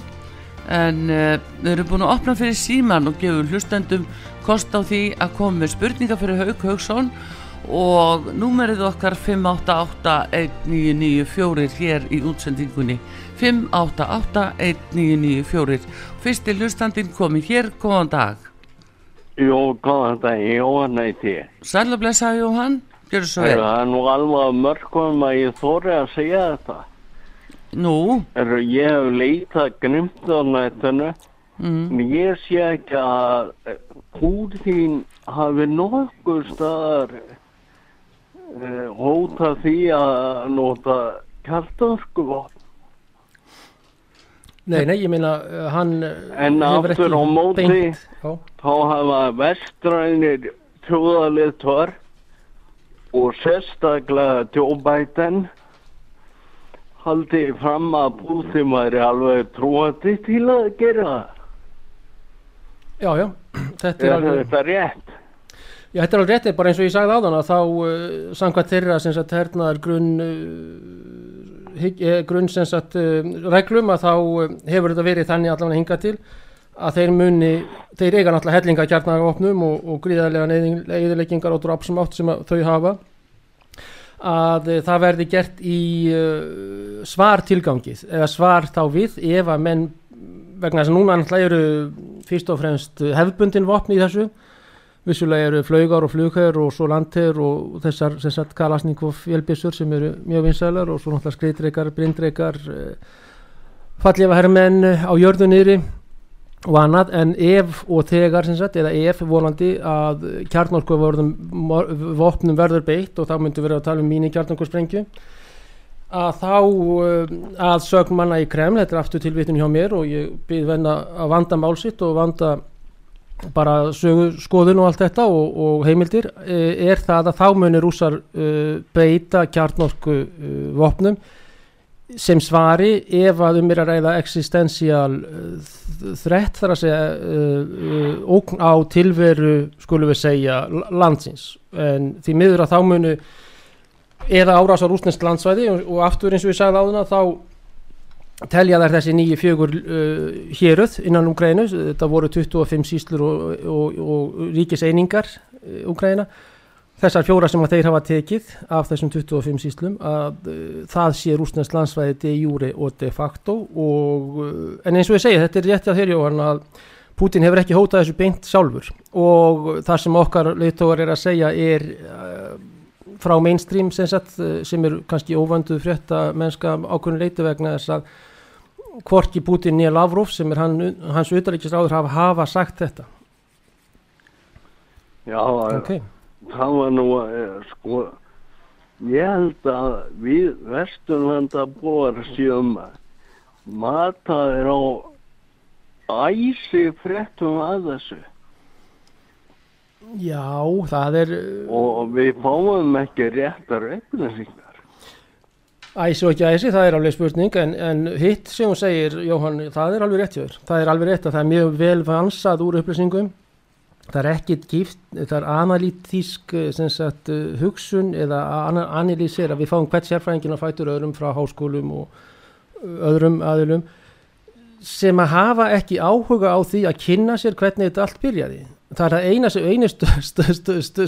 staðurinn eða fjölmiðlinn er út að saga hátvirt og Artur Sensat og Pétur náttúrulega sem að hafa sínt þessu hinn minsta göym og ég náttúrulega sem fréttarittar í 30 ári í Rúsland, 33 úrindar ég byrjaði strax í Sovjetríkinum og síðan Rúslandi þá ég fylst gríðilega vel með e, málum.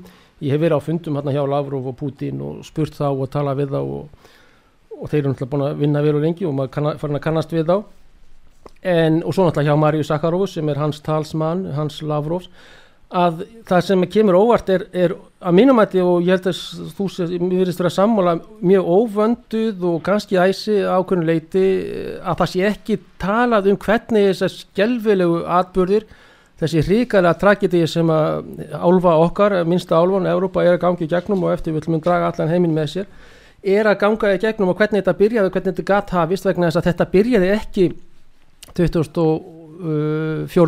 Uh, februar þegar hann byrjar þessa aðgerð sína.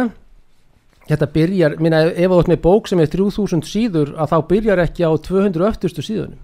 Þa, það, það er og dagafjöldin er eitthvað um þetta bylskilur og já, þetta er í byrjun, mána, byrjun árs og svo er núna komið haust. Þannig að, þannig að menn verða geina menn verða veita því góim skilur Jóhann Já og, og hérna það sem mér leiðist mest í sambandi við frettina sem fáum það byrjar alltaf á því rúsar gerðu hitt og þetta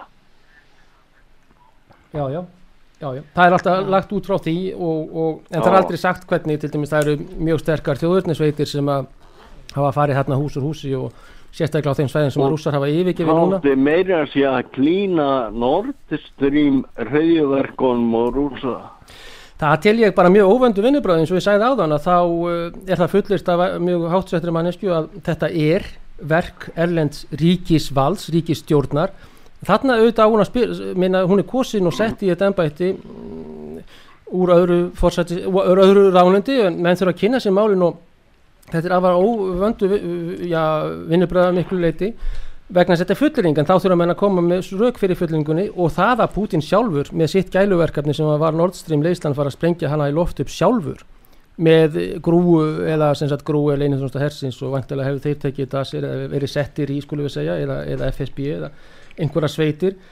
Það tel ég bara mjög ólíklegt að, að vegna þess að hann e, sjálfur þar að segja Putin, hann var búin að segja það að þeir sem að myndu trubla þess aðgerð myndu fá sjá, sjá eftir í, síðan hefur hann hugsað sér regilega umvegna þess að hann var farin að bjóða þjófurinn ódýrt gas eftir Nord Stream 2 áður en hún er sprengt upp. Já, já. Og til þess að ég tryggja að þýsk... Ég ætla ekki að einoka alveg... Nei, en þakkaði fyrir þetta Jóhann, já, þakkaði fyrir að spyrjum þetta. Nú, 588-199, fjóri hér á útvarpi sögu, Haugur Haugsson, frettamæður í Moskvu, uh, situr fyrir svörum hlustenda og uh, 5881994 já, næsti hlustandi gjör svo vel. Já, góðan og blessaðan dag, ég heiti Sigfús. góðan og blessaðan daginn. Sæl Sigfús og gjör svo vel. Herru, mér langar bara að þakka þér, eh, þú útastjóri, að gera þetta, að draga þarna eitthvað skýranda og leifa okkur almánum að spyrja svona heimskulega spurninga sem að svona skýringur, svona snillingur og ský- skýrandi eins og hann hérna, eins og hann er hann hérna að viðmaldveli, þannig að ég þakka bara kjalla fyrir tækifæri. já, gjör svo vel. ég gjör svo Hérna, vel. já, ég fatt langan eh, hérna, aðdraðanda fyrir þessum spurningum mínum. En mér langar kannski bara að byrja að spyrja þig hérna ágændi skýrandi við kennir þú þessi fjögur ríki sem að, á að hafa kosið? Ég er svo með tvær spurningar í stutt þetta er bara stutt stið, og, við kennir þú þessa innlið þessa fjöra ríkja nú þegar eins og þetta liggur fyrir samkvæmt svo og þú hafði tekið þátt í, gerst í, í hérna í, löndum sem er ennþá ekki innlimið af rússum. Vi, við kennum þessi fjögur ríki. Svo erum við aðra stutt að Já, spurningu. flott Sigfús, takk fyrir spurninguna, mjög, mjög góð spurning. Ég hef náttúrulega hef enga lögfræðilegan, eh, annan uh, atvinnulegan Þetta er bara óskup að óskup einmart, við kennum þetta ekki já að neða, þannig sem bara þannig að gera flokknar það, ef þú bara svona almennu maður og því og þú. Sko. Já, ég meina ef þetta er yfirheysla þá er það náttúrulega a- önnur, annar tótn í okkur umræðum en, en ég vil að fá að ský, útskýra mitt mál Ég Sigfús. Ég er að ég að þetta ekki. Ég sko utrækist á þeirra einhvers ríkis og það hefur ekkert ríkið ég veit við, að ég bara- viðurkennt ég- þú þetta bara en skýrandi, ég bara að spyrja þig, já eða nei, þetta getur ekki flókið. já, má ég svara þeirra? Já, gerðu svo. Já, takk fyrir það. Þetta, þetta er að fyrsta sagt í þessum máli að ég er ekki í þeirri stöðu til þess að viðkjöna eða viðkjöna ekki en þetta eru kostningar sem fara náttúrulega frammi með afar uh, enkinnilegum hætti við enkinnilegar aðstæður og í hersetnu landi þar sem er elendur hér sem að er með þessar kostningar uh, til þess að uh, já, fá nokkurn veginn á hreins eins og þeir segja skoðun íbúana hvort þær voru uh, réttar og annað er, er spurning en uh, þáttakan var uh, já, talsveit mikil á þessum svæðum og auðvitað eru úslitin þessi en ég veit ekki hvort að, ég get ekki sagt heldur, ég var ekki á staðinu með annað hvort að þær séu réttar eða rángar þessar uh, úslit þessara kostninga hins vegar er eitt sem er hérna Sigfús við þurfum að taka mjög vel í uh, reikningin, það er það að um, fólk uh, þarna á þessum svæðum er búið að vera undir uh, eða í borgarastríði sem hefur verið tabú á meginströmsmiðlum í heil átta ár og það eru 14.000 að, mi- að minnstu kosti látnir eftir það Hvað er, er, er stór hlut af því 14. munum tali vera hermenn og vagnir að liðar? Varstu þá tölu?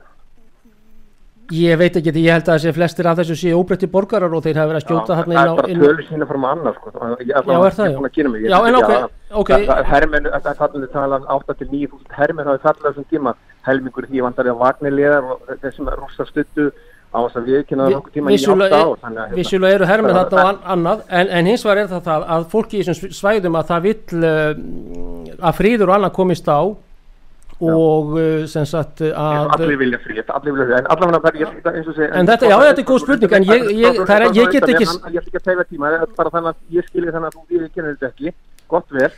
Já, minna ekki svona lögreglu, Sigfús, þetta er svolítið svona, nei, þú ert að fiska núna það, með ekki- taktík.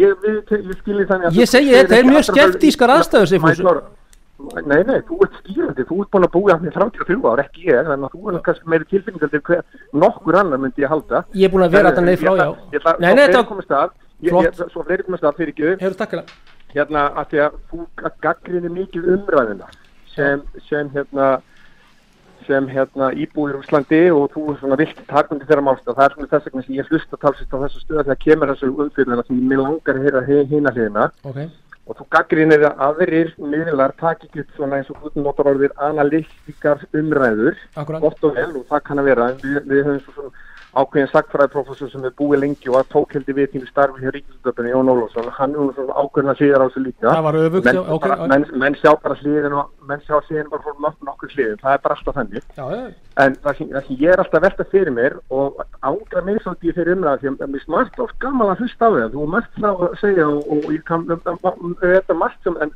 þegar það kemur alltaf ég held, ég held, ég held og þú svona fulleringar þú að gaggrina aðra komið fulleringu mín spurning er svo hva, hvaða hérna að því ég hef ekki hlusta á pistil frá þér síðan að byrja að auðvitað hef ekki hlusta á alla, alls ekki Mhm. ég hef aldrei ekki farið gegnum pistil á þess að þú já, ég ætla að nota mjög ljótt orð, drullir út ríkisútabíð, hvernig einasta, ég veit, hefur eitthvað ímugast okkur persónlega, ég skil ekki á þess að getur farið gegnum ein, eina skýringu sem virkilegur og þekkjandi annars hluta á þess að setja alltaf eitthvað skoðanir út á rúf ég veit ekki alveg Þetta er góð spurning, hvort já, já. þeir eru ykkur upp á vendir á, á þínum skýringum herðu, annars er ég bara þakkláttur fyrir hérna umræðan og og Artur bara takk aftur fyrir mig takk fyrir Já, mig. þakka ekki þér skalla á, fyrir. ekki skalla á en kannski þú það er einhver aðtöðasendir en þetta er góð spurning og allt í lagi með það en, en ég tek við að Jóli Jónafsinni, þetta var öfugt eins og það er í oktober 1990 og hann gengdi sínu starfi vel og áður, var Átnið Þór Jónsson sem lísti þarna jarðskjáltum í Azerbaijan og eða Armeníu og annað. En hvað var að þína spurningum eint Sigfús? Að þá e, tel ég að ég borga til Ríkisútafsins hátvirts uh, nefskatt sem, að, eh, sem sagt, allir þurfa að borga til stofnurinnar og í þessir ágætu stofnun er talað um það í grunnlögum að hlutleysi og fagmennska og þeir gera stundum út úr því að þeir séu ægilega hlutlausir og, og miklir fagmenn á þessu sviði en þá eiga á þessi ágæta stofnun sem að málið er það að ég er að borga ákveðinu fólki laun fyrir það að vera hlutlaus og fagmenn ég, er, ég meina, ég, ég get verið að tala um einhverja popstöðu eða þriðaflokks uh, mentaskólablað eða einhvern mið- miðil að popstöðuna eða kristilega eitthvað. Það kemur mér ekki neitt við uh, hvernig þeirra rittstjórnarstefnu og framleiðslu eða framreiðslu réttar að sagt er háttað á fréttum og öðru. En ef er neittu til þess að borga ef að uh, ákveðin ríkistofnun gerir sig EHF, uh, enga, uh, OHF og ofinbært hlutafélag gerir sig út fyrir það og er með grunn stefnu að eiga að vera hlutlaus og fagmannleg þá er mér afar illa við það að þurfa að borga fyrir ekki hlutleysi og fúsk eða ekki fagmennsku vegna þess að þessi stofnun hún á að láta eins og kemur í grunnlögum farðu á neti, þetta neðst er einhvers uh, á rúf.is er, er hérna lögstofnur að þeir eigi að vera hlutlausir og, og, og láta síðan auk þess allar skoðanir koma fram. Það, þannig að þetta er lögfræðilegt prinsipatriði sem að ég var að skýra út fyrir þér sem að mér sem eh, neytum neytanda, ég er ekkert að móti rúf, ég þykir væntum rúf og rás eitt og þessa skandinavísku krimma og þískar og, og í þessum hrikalega engilsaksneska amerikaniseringu Ísland sem við erum alveg djúpst sokkin í. En það er fyrst og fremst uh, og Heiðar Örd er mjög fýtt strákur og allt þetta og, og annað og, og hann kannski reynir eitthvað og annað en, en, en það að menn séu 100% á engilsaksnesku miðlum þýðir bara rauterinn gaggrinslust og sé ekki það, minna, RT til RT.com uh, Sputnik, alls konar sagt, alternativ uh, miðlar sagt, uh, sem að uh, eru með kannski nokkurn veginn aðra, aðra skoðanir. Og þá að fara eftir því líka og leifa allan einu til 5% þeirra sjónamið að koma fram sem er ekki. Og þetta er oft krakkar sem tala vondu íslensku og, og er að Google tíða sem sagt einhver skiti en, en uh, það, það, er- ekki skömminni skári heldur en uh, popstöð, hvað var það sína framsetning á fréttum. Þannig að þetta er prinsipatriði lögfræðis eðlis að, að hérna menn séu að fara fram hjá reglum sem að þeir setja sér sjálfur og hver vafalegstur í eitthvað ríkisvaldið einhver sem að fer eftir því ok, er hann farin eða eitthvað? Já, Ok. uh, hann er farin að Sigfús við þakkum honum Já, kærlega fyrir góða þetta. spurningar sem fúst, takk fyrir. Já, það já, því að, að sko haukur það er einmitt þetta með uh, sko hver stýrir þessum fréttaflutningi þessum mainstream. Þú tala mikið um Rauter sem er nú Já, já. vantarlega stærsta fréttastofa heims. Mikið lóskur, já, já. og, og hver á þá Rauter já hvaða Reuters? Er, uppleiga Rauter hann er stopnaður 1882 um það byrja á Rothschildunum já, sem að náttúrulega hafa þetta mjög klóks fjölskylda sem aldrei, kemur aldrei fram hver er á bakvið þá en þetta er, þeir búa í bandaríkjum og Breitlanda miklu leiti og er mjög st- sterk eiga fórsetta hér og þar Já, ýmsum banka löndum, fjölskylda og þeir hafa lánað Já. frá Napoleon styrjöldunum þá hafa þeir lánað báðum aðilum í styrjöldum og grætt gríðarlega. Já, og þá vorum við að tala um uh, átjóndöld já, tekur eftir hvað þú segir grætt í styrjöldum. Já, er báðum Já, þá lánaður já, öllum. Þetta eru bara klókir af því að peningæjalitan græðir á þessu Já, já, já Það er, en tökur næsta hlustlanda hér, góðan dag, útvarsaga 588 1994, Haukur Hauksson, fréttamaður í Moskvu, hér á línunni, góðan dag. Já, góðan daginn, ég heiti Helgi. Sæll Helgi, gjörðu svo vel. Vel, alveg blessa, hérna, mér langar aðeins að spyrja þetta varðandi Krímskaga. Nú ráðast rúmsar hérna inn 2014 Mhm. og uh, það sem að mér vantar, mér vantar eiginlega aldrei svona sögurskýringun á bakvið sko, Krímskaga. Hvað, þú er talað um það að, að Stalin hafi látið Úkrænum en hafa þennan skaga hérna uh, eftir stríð. Uh, getur útskýrt aðeins einhver bara svona hvað, hvað er rétt til dæmis hverju rússar eiga meiri rétt á þessu svæði heldur en til dæmis Úkræn Já, ég hef Takk fyrir, náttúrulega það var sagt- bara, bara þessi Ég spurning hef takk. aldrei sagt það sko. Já, já, en, Krím er náttúrulega staður sem hefur verið barist oft um og þarna voru Tyrkir og Tatarar sem er muslima, merkur muslimaþjóð innan Rúslands sem að réðu lengi og vel en, en ég minnir að vera 18 1783 sem að Katrin Mikla uh, innan gæslappa rekur Tyrki til sinna heimkynna, litlu Asju þar að segja en það hefur oft verið barist unni þennan skaga og Krímstríðin eru sem þá eru frakkar, breytar, maltverjar, danir jafnvel er, halló, er að berjast gegn rúsakeisara á þessu svæði? En Krímskæin er byggður sem sagt af rúsum úgræðinum þessum taturum sem er merk uh, muslimaþjóð uh, og fjölmennir þar líka. Og auk uh, hinn á þessa þjóðabrota frá sovjetliðvöldunum öllum. Og auk annara, og Tyrkir og fleiri. Assyriumenn, Sýrlendingar og hitt og þetta en Krímskæin innan Sovjetríkjana var Krímskæja Autonomnaja Respublika. Þar að segja Krím Autonomic Autonomous Re Republic Republika. Þar að segja þetta var sjálfstjórna lífveldi innan uh, já, Ukrainska SR og síðan aftur Ukrainska Respublika. Þar að segja hann er sjálfstjórna lífveldi innan Ukrainska Sovjetlífveldisins og innan hins nýja lífveldis Ukraínu höfuborg Krímskaga er Simferopol sem er inn í miðjulandi og uh, þar er sem sagt þing í Simferopol sem að eftir valdarán í, eða byltingu, litabyltingu, Orange Revolution og Maitan og margar á Maitan, Maitan 2, Maitan 3 að þá uh, erum við mjög skeptískir sem sagt á vondri íslensku uh, í Simferopol og viðurkenna ekki nýja valdhafa sem koma í valdaránunni Kíf í februar 2014 eftir mjög, mjög vel skipulagt valdarán Nú, þeir lýsa þá yfir sjálfstæði Krímskaga og þjóð, sveitir þjóðurni sinna eru sendar, uh, eða átti að senda til Krímskaga sem eru Azov, Aidar, uh, Pravi Sektor, Hægri Dildin, uh, Tornado, Ímis svona nöfn sem þessar sveitir hétu til þess að það sem að þeir segja koma á röð og reglu innan á Krímskaga, sérstaklega í Simferopol sem er höfuborgin og þar áttu líka að nota muslimafaktorinn í því að koma andstæðingum nýra stjórnvalda í Kíf uh, sem sagt til góða. Og muslimar hérna Melidje er þarna Medjiles uh, og, og, og svona alltaf hérna Medjet sem eru skólatnir og moskurnar og, og, og þetta.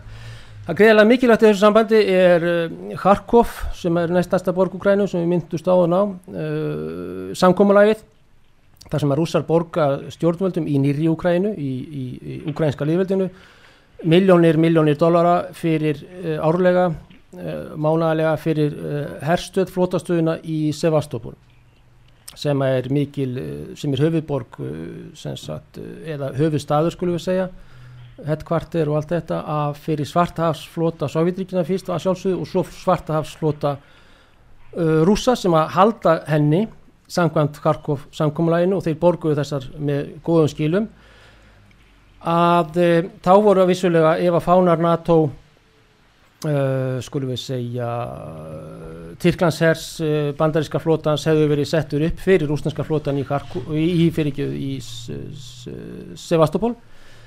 Sem, Sevastopol að þá hefði þessi balans og þá hefði Uh, svartaðarsblóti Rúslands orðir algjörlega máttlaus í leiðinni og ekki ná með það að það erði náttráls staða með hann eða hlutlaus heldur hefði óvinnurinn tekið yfir þessar stöðvar. Þannig að uh, síðan ætlaði krimfaktorin í þessu en síðan er eins og ég sagði áðan að þá var meiningin uh, að senda fríðarlest eða vináttulest póist drúsbu það því vináttulestin og hún var full af mönnum játkilfur skildi, vopn, nýf þetta er sem sagt átti að senda hana niður til, á, til Krímskaga af, fulla af þjóðurnísunum síðan berst þeim njósnað að rússar og pró-rúsnesku öll séu tilbúin að taka mótu þeim bara í, í bara algjörum gúttóslag í tíundaveldi á brautastöfinni í um, Sevastopol. Þannig að þessi lest er stoppið að menn fara út, út úr henni en sem sagt menn settu upp sem sagt garda þarna og vikiringar í, á norður Krímskaga til þess að, að valdaránsöfl eða valdaránsmenn eða, eða byltingamenn reynilega í Kíf myndu ekki ná skaganum síðan fara rússar í uh, ákveðna aðgerð Uh, það dó, ég held að enginn hafi dáið í þeirri aðgerð þegar að sérsveitir taka yfir og fjarskipti og þær stöðvar sem ógrænski hérinn hafði uh, á, á Krímskaga. En já, eitthvað fleira eða býtum. Önnur spurning haugur var bara í varandi sko rúsneskur réttrúnaðarkirkjuna. Já, E, hvers vegna tekur hún svona harða afstöðu heldur með stríðu? sko réttrúnakirkjan náttúrulega er orthodox og rúsneska réttrúnakirkjan eins og hún heitir í þýðingu að þá er hún íhaldsamt og kannski hægri sinna að afla ákveðinu leiti en það er þjóðurnistefnan sem að er mjög sterk hjá henni uh, þjóðurnistefna í kirkjunni þessi rúsneski andi má segja og þeir hafa tekið mjög harða afstöðu með stjórnvöldum í, í Moskvu, Kremverjum og Putin og þetta er svona, já, þetta er stert afl fyrir sálrænt sé, fyrir rúsneska þjóðar sál og Stalin tekur kirkjuna í sátt 42, 43 uh, og uh, það er þessi, já, þessi sterkir rúsneski andi sem er kannski mm, megin máttur í þessari réttrúnarkirkju, eða rúsnesku réttrúnarkirkjunni, orthodox kirkjunni sem er orðið meira og meira afl innanlands í Rúslandi en vissulega eru þeir íhaldsamir og á hægri kanti og mjög svona þjóðverðni sinnaðir. Þannig að Kíril patriarki og flestir prestar hans eða ekki allir og það eru margir harðari heldur hann segja að þetta sé stríð vestursins, óhreitna slæmra afla þetta segir Putin í ræðu, mjög hard orður í ræðu sem hann held um daginn. Og spila kannski inn á þjóðurnis vitund og ákveðinin hann að sjálfsögðu gæsaleppa úrkynjun þar sem þeir vilja kalla úrkynjun Vesturlanda. En þeir eru já, það eru rétt hjá þér. Takk að ykkur fyrir. Ta Takk Helgi, já Já, takk fyrir hérlega. Uh, Símin opinn hér á útvarpi sögu 588-1994 og það er stríði í Úkrænu, Haugur Haugsson, frettamæður í Moskvu, situr fyrir svörum hlustenda, uh, næsti sem býður hér á línunni, góðan dag, útvarsaga.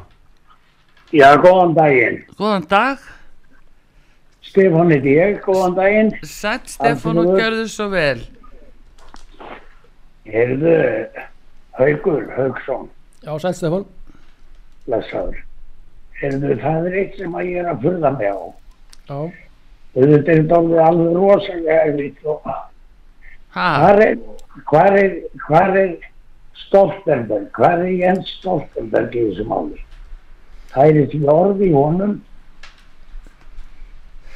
Jens uh, Þorvaldsson Stoltenberg er uh, náttúrulega sýttur núna í Brussel eða hann átt að taka við Ríkisbanka eða Sælabanka Noregs en því var frestað þeirri rástöfun þannig að hann er að gera bankamaður en uh, hann er náttúrulega á þeirri línu sem að bætin og fleiri eru á að uh, gefa í, gefa meiri vopn og peninga og því miður Katrín Jakobsdóttir og vinstri reyfingin grænt frambóð á samt öllum öðrum íslenskum stjórnarflokkum, það er enginn sem að segja það menn þurfa að setjast niður og tala saman.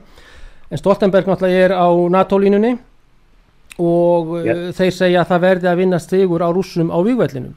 Og þetta er náttúrulega að mínumati og fríðarsinna annara artúðar sem sittur hérna á móti mér og annara er uh, vond og hættuleg, slög, uh, hættuleg stefna gagvart okkur og okkar fjölskyldum og fólki og framtíð landsins líka vegna þess að við erum í NATO við höfum, stóða, uh, já, við höfum herstuð og fyrirvændi herstuð hérna suðu með sjó.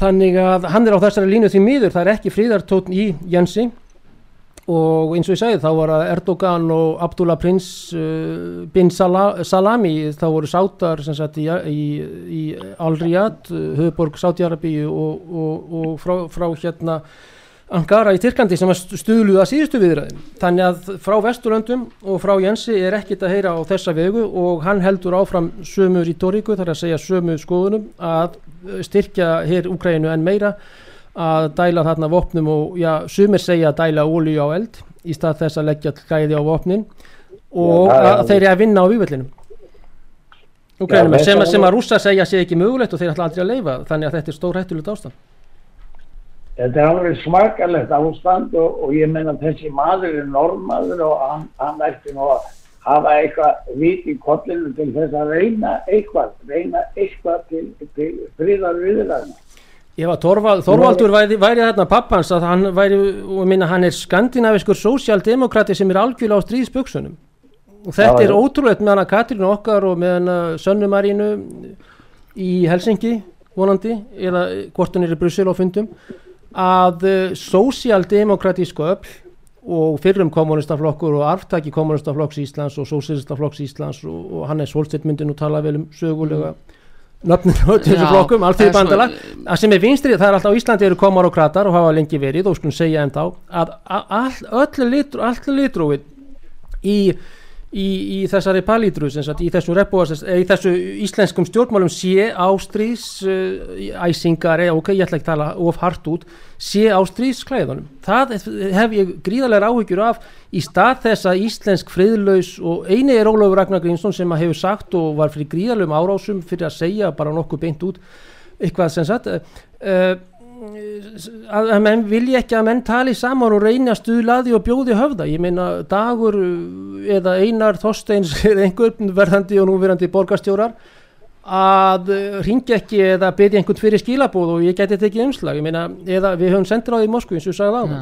þannig að En- þetta, þetta er að sorglega held, hérna Stefán fyrir ekki En Já, Stefán, og bara til að segja er það Jens Stoltenberg hann var náttúrulega fórsættisráþra Noregs um langt árabil og var afskaplega elskaðar á sinni þjóð og stóð sér feikilega vel sinns líkur mjög uh, góðu maður. En uh, nú er hann náttúrulega framkvæmdastjóri NATO og maður sér hann bara gef í eins og uh, bara ökumann undir stýri sem að bara eikur raðan, maður bara skilur þetta ekki Nei, hann, sko, þetta er alveg broslaus maður á öllum köntum og ég meina, þetta er normaður, að hverju reynir hann ekki að, að gera eitthvað eh, gáfulegra heldur en til dæmis hún uh, Reykjörn Gilvardóttir sem að er, er stríðsöksina alveg reyndar ég meina, hún hefur ekki leiðið til þess að hafa þetta svona gagvart Íslandi. Já, íslenska þjóðin hefur náttúrulega ekki verið spurð. En Nei. NATO náttúrulega er komið alveg upp í svefnergið hjá Putin, svefnherbergið, þetta er svona allegória, en, en það, og enginn hefur sagt neitt við neinu, en auðvitað þurfa menn að staldra við með það, þú veist, analítikararnir okkar að þeir taka aldrei þennan punkt í hæðina, vegna, en það, það, þetta er eitt af leikilatriðunum.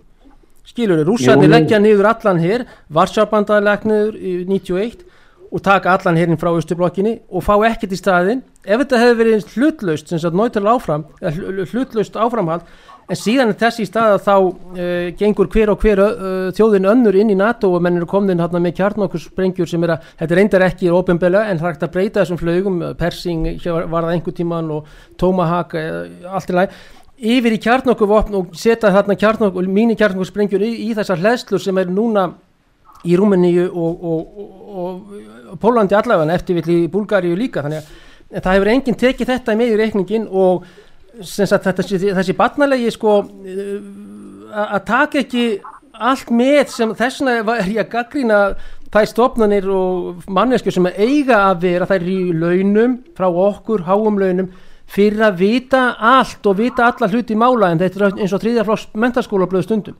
Og, og ákveðin rániti, það er slúður uh, upprópanir ekkert kynnt sér ekkert ofan í kjölinn og, og annað, þetta er bara sorglegt og stefnin er bara styrjöld og dauða okkar skilur Já, já.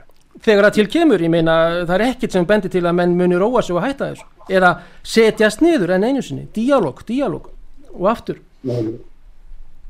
Nei, svo er það til dæmis þetta, til dæmis ok, hann er nú búin að fá á sig dóman hann, hann, hann bandar ekki að fósisti. Uh, þeir hafa talað um Putin, hann heldur í borðrendurnar, hann er komið með Alzheimer eða eitthvað, eitthvað, eitthvað, eitthvað eh, alvarleg. Pú- Pútín þá eða? eitthvað, já, að, Nei, Biden Já, Biden, þjóðin, já, blessaði með öðru, já, já hann átti að vera bara við farveikur, svo allt í hennu, eitthvað það er ekki aður en Putin. Putin er, er stálhraustur og þetta sagði William Burns uh, eða Bill Burns eða William vendalega sem er yfir maður CIA að hann sagði Putin er allt og hilbriður og við hefum ekki fundið neitt á hann. Þetta sagði hann að fundið um daginn og, og, og, og, þetta er náttúrulega já. ég skil ekki þennan Zelenski, ég er alveg undrandi á þeim manni. já, Það hann hefur mikil völd í því að heimta og heimta og fá meiri vopn og allan pakkan. Hann hann hafði nú ekki verið mjög uh, góður. uh, Nei, en hann er náttúrulega að reyna að verja sína þjóð. Það er hægt að skilja það. Hann er náttúrulega að reyna að verja sína þjóð. Það, hann er náttúrulega í gríðalega þungri stöð hann Selenski hann er að Hann reyna það, já, já. bara þannig verið að drepa saklust fólk. Þetta er bara þetta er það sem er náttúrulega ógnin í dag. Það er saklust fólk sem er að fyrst og fremst að líða fyrir þetta En málið er það, Helgi, Stefán, að hérna þegar að Selenski tek nær völdum og, og vinnur Parashenko uh, 2019 að þá er eitt tvö af hans aðalofurðum og hvers vegna hann er kosin sérstaklega í Östubörtunum það er svo að hann ætla að koma á fríði í landinu, hann ætla að stoppa, stoppa þessa borgarastyrjöld sem að Parashenko hafi verið á fullu í sem að var súkulaði konungurinn svo kallaður sem að mér, mér, mér finnst, ég, ég finnst líklegt að Parashenko komi aftur og þá verður gefið í þarna á þeim me- megin og svo nummer tvö lofur Selenskis uh, sem að hann er kjörinn það er það að banna ekki rúsnesku og hætta rúsnesku kjenslu og banna rúsnesku sem mál í, í landinu þar sem að austuparturinn er fullkomlega talandi á rúsnesku en það er verið að banna heilt tungumál uh, útgáfu bóka, bíómyndir uh, þættir eru döbbaðið yfir á ukrainsku þannig að menn skilduna jafnvel ekki þannig að hann svíkur að sjálfsögðu þessi Selenski, Vladimir Selenski eða Volodymyr Uh, hann svíkur strax þessi tvö lofar sem hann nær fyrst og fremst völdum á gegn Parashenko 2019 Herri Stefán, bara þakka þér kjærlega fyrir þetta. Við þurfum að fá auðlýsingar en takk fyrir. Já, heyrðu, Takk, já. haukur, uh, þegar þú talar um þetta er uh, búið að banna frjálsa enga rekna fjölmila í Ukraínu það hefur verið gríðalega rítskoðun og ekki síst eftir stríðið, stríðsbyrjun og þá hefur verið mikla hreinsanir og rítskoðunir á netinu blað, blaðmiðlar, fjölmiðlum lokað, menn mæta inn á sjónvastöðvar, útvarstöðvar og, og það kýft úr sambandi. Uh, sem sem- af frumkvæði Selenskis og hann uh, áður saðan að það verið sterk öfla á móti sér en núna náttúrulega þá minnist hann á stríðstíma og talar um það að það sé nöðsynlegt að hafa þarna gríðalega rítskoðun og sama er það rúslasmegin já, líka, það ekki er banna eins og í Rúslandi jú, sko, jú, það er einmitt það, það er búið að banna, banna já, menn segir stríð það er bannað að gaggrína og, og sverta herin eins og það er kallað og, og þetta, þannig að það, það líkja jafnvel fangelsistómar og sektir og annað við því. Já, þannig að það er komin bullandi riskóðun sem sagt uh, á Úslandsmegin líka. Já, en þetta er bara þessi tilheng líka á, sko, meira glóbalt að það er þessi tilheng til þess að taka núna niður í öllum Já, og já. það er bara allt kallað hattusorraða skiluru jú. það er verið að hræða fólk alveg rosalega og hver eða á fætur öðrum sem að fer í nýtt og nýtt hlutverk í því. Jú, jú, þannig að þetta er svona að þú sér þetta heildrænt. Já, já, en uh, við ætlum að fá auðlýsingar hér á útarpi sögu. Símin er opinn uh, 588-1994 Haukur Hauksson frettamæri í Moskvu sittir fyrir svörum út af stríðinni í Úkrænu Heimsmálinn í umsjón Artrúðar Karlsdóttur. Fréttir og fréttatengt efni af Erlendum Vettvangi.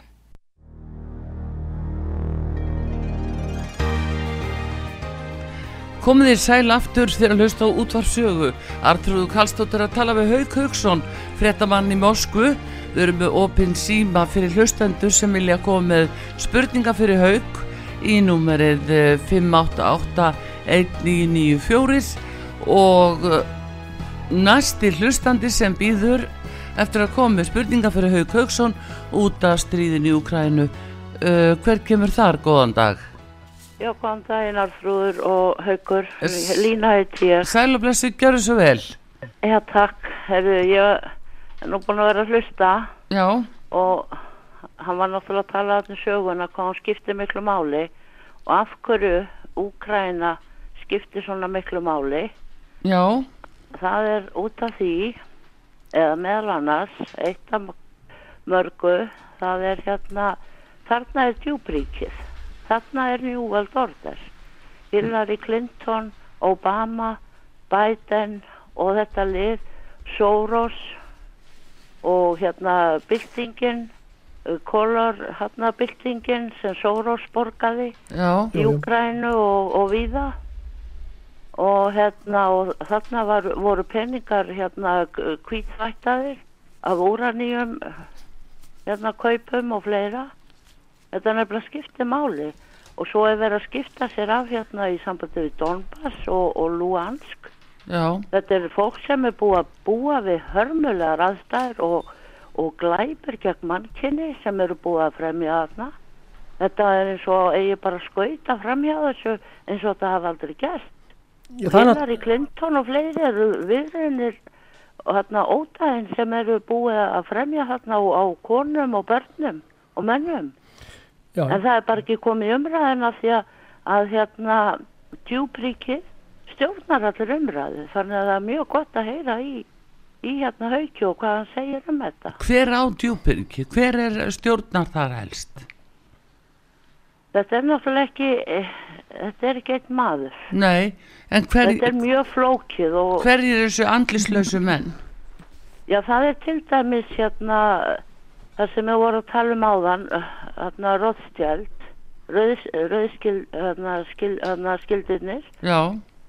fengist inn í Rauðakrossin og annað býðið þar til þið heyrið um Rauðakrossin. Guðminn almáttur, en það er nú annar mál. Þetta er til dæmis þessi fjölskylda, þetta er Rockefeller. Og svo þegar að vera að tala um hérna, hérna skrýpið, hérna Kissinger, hann er sá sem tekur við af Döllersbræðurum. Það er þessi skítur sem við erum að díla við núna er þökk sé Kissinger. Já, hann, er, er ekkert góður gæi þetta er maður sem á bara hanga í snörunni sko. og sko, já, býttu nú við, Lína mín, en málið er það náttúrulega með Donbass, en þú vinnist Lína mjög réttilega á að það er búið að vera tabu í fjölmjölum þau, já, genósít og þjóðarmorð gegn rúsum og rúsnenskum mærandi fólki öll þessi átta ár frá 2014 og það hefur aldrei verið fyrsta frétt í neinum einasta meðli og ekki minnst á það í helstinu fyrir fréttir, eftir fréttir eða ekki einu svona inn í fréttatíðunum ekki hálf mínúta. Og þetta er það skort, skortur á fjölmiðlun á sangjarnri, réttri og faglegri að mínum mæti og hlutlausri fjölmiðlun sem að ég var að tala um og svaraði Sigfúsi eða Helga er ég manna ekki, núna rétt áðan með hérna okkar ágæta ríkisútvar en þetta er búið að liggja alveg í lág, láginni, má ekki tala um þetta og hvað var það náttúrulega áhrif bætinfæðk og annara á Úkrænu eru bara mjög einfalt dæmi þegar að Viktor Sjokkin sem að var generalni prokuror þar að segja ríkissaksóknari ríkisins að bætin kemur þangað lætur reyka Viktor Sjokkin uh, og hótar því að allsjóðal gjaldirisjóðurinn láti 1 billion dollars sem sagt 1 miljard dollara ekki ganga í gegn til stjórnvalda í kýf, svo er náttúrulega spurning hvað hva lendir í hverjum vössum og algjör minni hluti sem hann kennst til óbreyttra. Ef að uh, Viktor Sjókin hétt sá maður og heitir vonanden mjög fær prinsip lögfræðingur er ekki rekin úr uh, stöðu ríkisaksóknara vegna hvers lína að í Viktor Sjókin ættiði að rannsaka höndir svona hans bætin Já, hvað höndir var að gera í Ukrænum hvað Búrisma var að gera hvað Metabiota var að gera sem að er um, Livia tilrauna fyrirtæki eða biolaboratorium sem- líftækni fyrir líftækni, líftækni innaður í dag. Þannig að það sem þú kallar djúbríki og deep state uh, myndi ég náttúrulega setja innan gæsi lappa og allt þetta bara til að vera mjúkur og, og hérna svona faglegur í þessu, þessu. en vissulega er alltaf öll og rauð- rauðskildir og rokkafélagarnir og döllers tvíbura bræður eða bræður nauða líkir sem er inn í VFH og, og öðru e, eru eitt af þeim mjög sterku öflum sem eru afar ósynileg á köflum og, og rauðskildirnir lánuðu öllum aðlum til að græða, græða, græða dollara, franka, pund, mörk já, eftir Napoleóstríðin til beggja aðila. Þannig að þetta er, nokkuð, þetta er eitt af þessum tabúum. hvað sérum? þessi rauðskildar og annað, hvernig, hvernig hérna, að því að þetta er náttúrulega bankastrið, hvernig heldur fólk að, að þeir fái þessa peninga og verði svona rosalega ríkir þeir brenta bara meira og meira blóðmjólki lönd. Já, mál, málið lína líka er það að þessi þetta er bara komið á svo mikið nýtt stig og við lifum ótrúlega sorglega og merkilega tíma, ég og þú og hvað, hvað það verður lengi áfram í spurning líka en uh, hvað, ok, það sem þú kallar djúbriki og þá sem er ósýnilega völdin, ósýnilega höndin sem að stjórnar ríki stjórnum og fólki og annað hinga og þanga Þetta er eh, held ég og það er alltaf að sanna sig og mennir náttúrulega kalla er konspirológar og aðrar, konspirasi, þeoríumenn og, og allt þetta sem er mikið náttúrulega og svo þeir sem ekki er sammála, þeir eru náttúrulega hægri öfgamenn og, og hérna sem sagt vafasa, eða efasenda menn en bara það sem er að gerast í Úgrænu, ég held að Kristallist að kun leiti mm, baráttu milli já, mjög sterkra afla sjálfsögðu og, og, um, og hérna menn ættu kannski að gefa meiri gaum þessari bankaelítu Economic Forum Swaps uh, Sorosi sem að hafa steift heilu ríkjunum og gjaldmiðlunum og pundinu, pældi því, hann, hann, hann tókst að fella pundið, George Georg Já. Soros, uh, hvort hann er bandarískur borgari. meina, þetta Þetta er náttúrulega ótrúlega ræð, hvað sérum? Þetta er allt sama höndin og sérðu bara eins og með Þískaland eftir stríð. Já. Ég meina hvena voru þið búinir að borga 1989 eða eitthvað? Eftir hérna stríðskuldirnar frá setni heimstyrjöld. Ég meina hverju fá þetta þessa peninga sem að þjófölögin er að, eru að borga? Já, hvert sjáum fóruðu þetta á þegar Íslandi, Væmar líðveldið, þetta er hvert. Væmar líðveldi sem að- var nú til þess að Hitler kom að hún gríðilega nýðulega á Stórveldi og Þýskalandi, það voru enga smá stríðskadabætur sem fóru til London og Washington og bankana og Wall Street. Einmitt. Og Þannig og síðan það? Þýskaland í dag Almenningur. Já, og almenningur og fólkið en, en, en Já, ég held að sé ákveðin vakning sem, sagt, sem að allir eru kallaðir þá konspíró, lókar og, og, og þetta en það er bara á netinu og annað eru þessar alternativ eða sagt, aðrið miðlar sem að fólk eru farin að kynna sér og auðvitað ákveðin klassi sem að trúir algjörlega mainstreamspressunni sem og svo er líka annað Já, að ok. vera að tala um hérna kjarnorkustríð og verið sætt og allt það. En sko hérna Putin hefur aldrei talað um að nota kjarnorkuvott þetta hefur komið frá Vesturlöndum. Og af hverju kemur þetta frá Vesturlöndum? Hérna skástrík Bandaríkin hvað er að gerast í Bandaríkjónum í næsta mánuði já, já, já, já. Náttúrulega kostningar, Lína, má ég bara byggja núna því nú er tíma okkar já, búið, ég ætla- en má ég já. samt byggja þess að huglega eitt af því að þú hefur nú verið að eh, hugleiða og skoða mikið þetta, uh, þetta en faraldur og COVID og allt það. Eh, hvað finnst þið þá um það núna að nú voru bandaríkjamenn að kaupa liv eh, fyrir 41 miljard eh, ef að að það myndi koma til kjarnorku árásar Þannig er bara komin enn einn nýja leiðin, bara fín fjárfesting fyrir þá að því að þeir koma kannski ekki stríðun alveg á það að þeir eiga náttúrulega livja fyrirtækin, þetta er allt sama fólkið. Það var bara það sem var að og velta það fyrir er orðið, það var orðið sko, ef að COVID hefði ekki komið, COVID snýst bara um stjórn, ef að COVID hefði ekki komið og þeir geta blóðmjólka þjófélögin út um allan heim að kaupa þetta, þá væri Pfizer fara á hausinn, þeir voru á hausnum það er nefnilega það heyrðu, takk fyrir Lína, Eru við heyrum betur í þér gangið vel hauku, gaman að heyri þér. já, takk lína mín Já, takk fyrir. Já, ég held að tíminn sé nú alveg að hlaupa frá okkur haugur en ég bara sé það eins og allþjóða gældir í sjóðurinn núna. Hann segir það að það muni draga enn frekar og hagvesti og heimsvísu á næsta ári og það er sagt uh, þetta eru afleðingar vegna innrása rúsa í Ukraínu. Uh, núna veitum við að þjóðríki heims er að að sko fá mikla ágjöf út af þessari stöðu og öll framleiðsla eh, hef, svona er að skortnum skamti og ímislega fleira jafnvel mataskortur. Að hverju finnst manni þetta passa inn í munstur sem var búið að segja manni frá fyrir einhverjum tveimur árum skiluru það er, uh, er fækkun fólks í heiminum það er uh, orkuskortur það er mataskortur þetta passar inn í eitthvað prógram ég segja aftur Já, já. ég ætla að byrja haugur að fara, að fara á stúanan í Rúsland og aðtúa að, að hérna hversu mikið eh, er sami við hann Putin og baku tjöldin út af þessu En það er eins og þú segir, þá er human engineering og depopulation eru orð sem að koma fyrir hjá Já.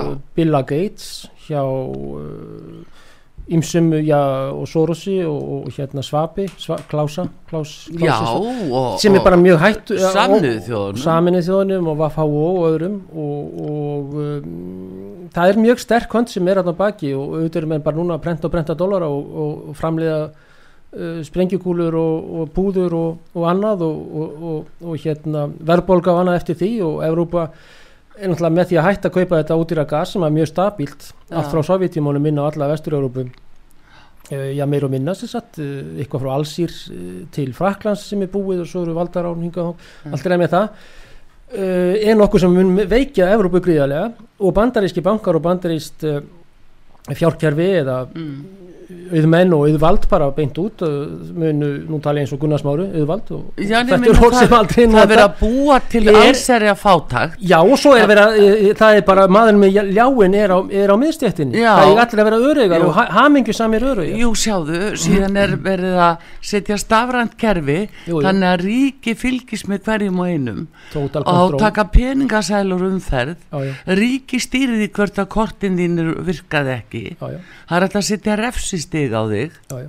það er verið að búa þetta allt til Þetta finnst fólki bara mjög sniðut og gott og, og ég hefur hlistu að bylgjuna fyrir tilverjun, hlistu nú mjög sjaldan að þá var hérna, ákveðin maður að tala í trúttafréttamaður fyrir hann og þeir voru að tala um það að setja mini-chips eða hvað heitir þetta örveru inn í hendirna Já. undir, undir handa Já. krigan og, og með nokkra við, við þetta er öll- sóttvarnadæminu Nei, ég meina upplýstir, fróðir, klókir og alltaf bladaminn á Íslandi þetta var svo fínt og flott og glæsilegt og ókipis, eða bara þú, þú setur þetta upp að skanna í búðinni og þú ert skundlaus, kortlaus darara, og Já. uh, þú veist, þægilegt. Setja þetta inn í börni sín undir handakrikan eða hérna við, púls, við hérna, þú veist, það sem hendin getur sett á skanna og Veistu hvað- algjört veistu kontur, þetta finnst þeim finnst íslendingum framtíðin og flott, ég bara váma, ég greip um Haukur, höfu mér sko. veistu hvað þetta heitir inn í íslensku sóttvarnalögum? Nei, þetta heitir að græða í hluti jú, undir húð. Ok, já, já, og er Þannig bara að- verða að við, við svona almennt töldum að þetta sé, það sé, það sé nú bara ekkert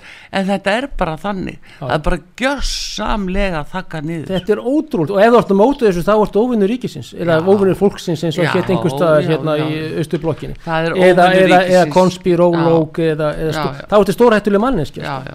Það er ofinnur ríkisins og það er notað. Og ekki ríkisins heldur stórríkisins. Og þess vegna sem sagt, eins, og, eins og Lína myndist á já, djúbríkið sem er ákveðið sem einhverju menn nota og ég meina, akkur, ég meina það er eitthvað sem er þarna bakvið, meina þú veist ríkistjórnir og þeir spottar sem að núna er kift í af stórustrákunum sem að enginn þekkir andlitin á mest náttúrulega London og Washington og svo eru litlu, litlu krakkarnir í Brussel meira en ég meina þetta er, þetta er hor- hörð orð en það er eitthvað á ég meina, Já, er og, og, og að það að, að ríki og, og þjóðríki hafi raunan engin, engin, völdu eða áhrif innan eigin landamara lengur, þetta er stór hættult á Íslandi en við erum þessi eiga, náttúrulega eiga maður skilur Holland, Benelux með öll þessi ríki kringu sem e- e- eitt gjaldi það, það sem á að draga okkur inni og er búið og orku, orkudæmi, orkubökkum Európubandalagið, það eru flestir flokkar á Íslandi og FG jafnvel, sem vilja fara inn í Európubandalagið í dag. Já, og þá er rússagrílan ægilega gott uh, rússa ógnin, rússa hættan sprengjurnar hans Suvoríkins og Pútins og þetta gríðalega gott uh,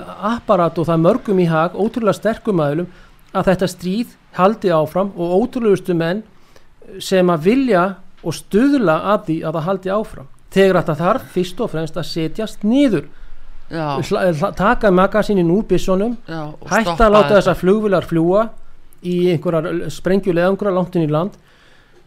Og þessar gríðalegu flaugar, hérna stýriflaugar sem að fara með ótrúlegum hraða og síðan upp og ni- hérna En Haukur, eh, svona- stinga sér í skotmarkið. En að, að síðustu tíma okkar er búin og þetta er nú búið að vera heilmikið tördi hérna og þakka þér búið vel fyrir. Hérna svona alveg að síðustu haugur heldur núna svona í þessum tölu orðum það er 11. oktober 2022 í dag eh, heldur að eh, það komi til kjarnorku uh, styrheldar ég bara vona hreinlega til Guða og Guðs og vona þessi margir og fleiri og annað að, slíkt verði ekki en ég er afar hættur um að slíkt verði og, og auðvitað nefn með uh, Jósef uh, Junior Bennett Biden Rabinett Biden í Hvítahúsinu og ekki síst með Tony Anthony Blinken í State Department uh, Viktor í Núland uh, algjöra sagt uh, já, stríðstæmi og þeir hafa sannað þá síðustu, stundu, síðustu árum og sérstaklega demokrataflokkur bandarækina þá er ég afar hættur um það að þessi leikvöllur Evrópu að hún muni veikjast verulega efnaðslega sér sem er algjörlega staðring sem mun gerast og að menn séu núna brosandi á ákveðnum stöðum í hernaðaloppiðinu í military complex industry og á fleiri stöðum en þannig að það er ég, ég, ég hef verið svartfínismæður alveg frá uh, voru sumri og, og er það núna og, og kannski er þetta vond að segja en ég er ansið hættur um að eitthvað, eitthvað stort og mjög sleimt muni gerast þegar að fyrir að vetra og annað og, og, ykkur þess náttúrulega í Európu að það sé vond ástand sem að muni skapast í flestum löndum álfunar Það er nefnilega það. Herðu, við haugur, við verðum að segja þetta gott í bíli. Ég þakka þér kærlega fyrir uh, að gefa þér þennan tíma og spjalla við okkar hlustendur og upplýsa okkur svona að við erum með ímsa vangaveltur um hvað hugsalega hangir þarna á spýtunni og, og reyna að lesa í spilin og, og svona átt okkur á ymsum hlutum sem að lítið sem ekkert hefur verið talað um. Bestu þakki fyrir komin á Haugur Haugsson, fréttamaður í Moskvu Artrúð Kallstóti þakkar ykkur fyrir og taknum að Daví Jónsson verið sæl. Takk